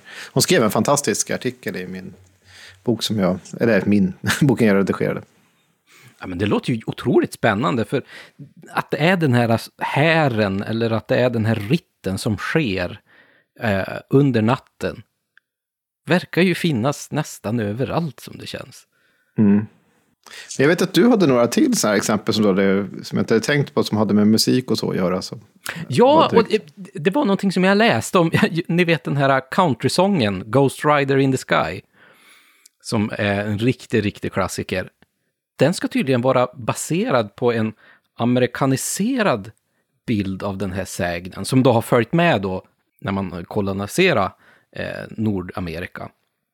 Vilket jag aldrig har tänkt på, Ghost Rider in the Sky, men det säger ju sig självt det. Och hela den sången är ju också, om man läser låttexten så är det ju väldigt mycket likt också. Där har du The Doors också, Riders in the Sky. Precis.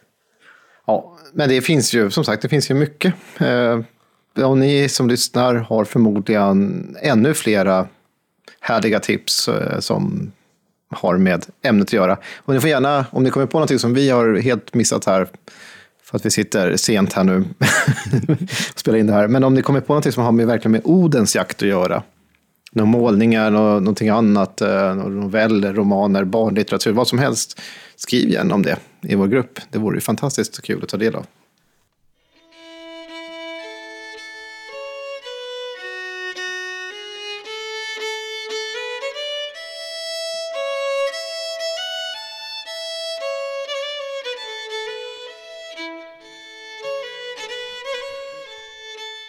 En annan sägen förtäljer att det var en mörk och stormig höstnatt. En sån där blåsig natt då det brakar och dånar i skogen. I en koja vid en kolbotten satt en gammal kolare. Innan han la sig att sova för natten ville han gå ut för att än en gång se till milan sin. Men när han kom ut fick han höra ett förfärligt oväsen i skogen. Han hörde ett starkt flåsande som tycktes närma sig och fram mellan trädstammarna kom en ful trollkärring med hängande tunga och ett så tovigt hår att det mest såg ut som ett mossskägg på en gammal gran. Hon var förföljd, sa hon, och hon lovade kolaren allt vad han önskade, bara han inte talade om för den som kom efter att han hade sett henne eller sett vart hon hade tagit vägen. Kolaren, som var en klok man, han sa ingenting utan han teg och trollpackan hon skyndade vidare. Knappt var hon borta förrän en ryttare med tre hundar sprängde ut på kolbotten. Han red på en ystervit häst. Han var praktfullt klädd och i handen hade han en pistol med beslag utav guld. Ryttaren frågade kolaren om häxan hade synts till. Kolaren visade och pekade varåt han hade sett henne skynda bort och den underliga ryttaren satte iväg efter. Emellertid hade hästen tappat en sko och den var av renaste silver. Kolaren fick se den ligga på marken och ropade till den bortilade ryttaren vad som hade skett. Men ryttaren svarade Behåll den som tack! Snart hördes ett skott borta i mörkret och ett tjut av både vrede och smärta. Och det vittnade om att kulan hade nått målet. Av silverskon smiddes en bägare och den gick länge i arv inom kolarens släkt. En dag kom så en präst på besök och då togs bägaren fram för att den fine gästen skulle få dricka ur den. Knappt hade gudsmannen fattat tag i bägaren förrän den rycktes ur hans hand och försvann. Rakt upp genom skorstenen. Så berättar man. Och en och annan kan också lägga till hur det hördes just när han hörde jakten och så vidare. Man säger också att Odins jakt drar och kommer före innan man hör själva tordönet. Den allmänna uppfattningen bland upplyst folk om hur denna jakt är att detta ljud av skällande hundar egentligen kommer från en slags fåglar som om våren och höstkvällarna sträcka över ängarna. En lärarinna berättar att hennes far hade sagt åt henne när Odins jakt precis hördes neråt ängen en kväll. Då gick hon dit och såg ett par fåglar som sträckte nära marken och utstötte ett gällt och skallande läte.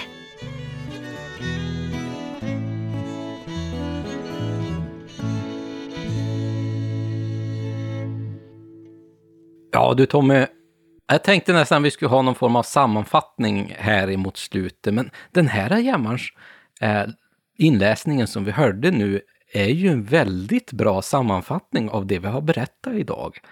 Många av de här momenten och delarna ur det här sägenmotivet finns ju med här verkligen. Här har vi hästskon, vi har den här som blir jagad, den här stackars kvinnan, och vi har tordönet, alltså åskan, och vi har fåglarna här emot slutet.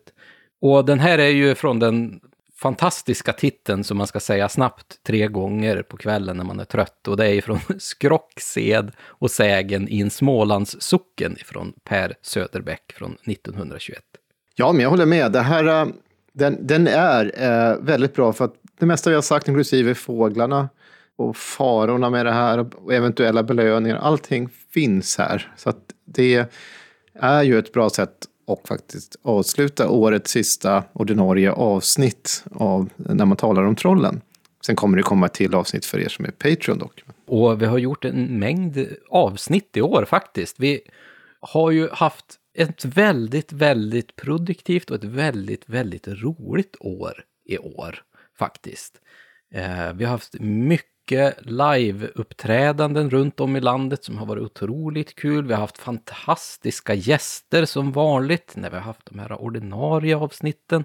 Så det här har varit otroligt spännande och sen har vi verkligen fått upp takten här i vår Patreon-sida där vi kör den här roliga serien om fornnordisk eh, mytologi och vi har även pratat om traditioner. Ja, men nyligen släppte vi ju faktiskt om Lucia till exempel, vilket kändes väldigt naturligt i och med att vi närmar oss jul här. Och som sagt, strax innan jul så kommer vi också att släppa ett avsnitt på Patreon där vi pratar om förkristen eller fornnordisk jul. Det kommer att bli väldigt spännande. Där ska vi reda ut ganska mycket föreställningar om vad den här gamla julen är för någonting. Det blir kul.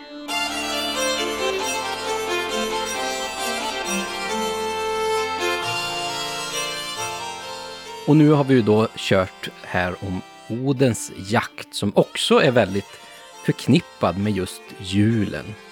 Så att det här tycker jag var väldigt, väldigt bra. Och som sagt, vill ni höra mer av oss så har vi ju då våran Patreon-sida som man kan vara medlem om man vill stödja oss, men även om man vill lyssna på mer av oss Eh, när vi pratar om fornnordisk mytologi och, allt annat som vi inte pratar om just i den här podden med ordinarie avsnitt. Och sen om man vill följa oss så har vi ju våra sociala medier på, både på Facebook och Instagram där vi heter Oknytt Sverige. Och Tommy kan man ju också följa på Instagram där han heter Suttungsbrew. Och så har vi ju den här härliga Facebookgruppen när man talar om trollen eftersnack. Där vi också har väldigt, väldigt kul. Vi pratar om folktro och vi pratar om podden och vi har skojigt där. Det är så himla roligt att se er komma med kommentarer om allt möjligt där. Det är så himla roligt. Så att eh, vi kan väl kanske inte göra så mycket annat än att eh, vi får önska våra lyssnare, Tommy, en eh, god jul, helt enkelt. Ja, med det så önskar vi er såklart en god jul och ett gott nytt år. Och vi ses igen år 2023 då vi ska fortsätta producera nya spännande avsnitt och förhoppningsvis röra oss runt i landet och träffa er igen. Det här kommer att bli fantastiskt härligt. Ha det fint Tommy. Hej då! Hej då! Podden är producerad av Oknytt, Nordisk folktro och mytologi och intromusiken är komponerad av Mark Jungerman.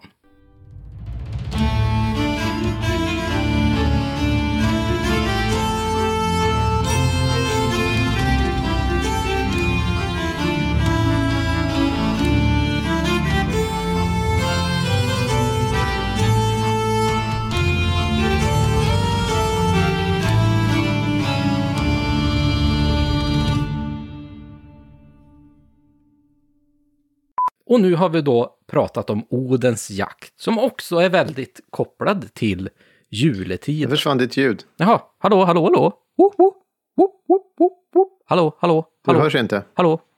Vänta, jag måste kolla. Är ljudet på Jag det hör här? inte dig. Hallå, hallå, hallå, hallå, hallå, hallå, hallå, hallå, hallå, hallå, hallå, hallå. Vad konstigt.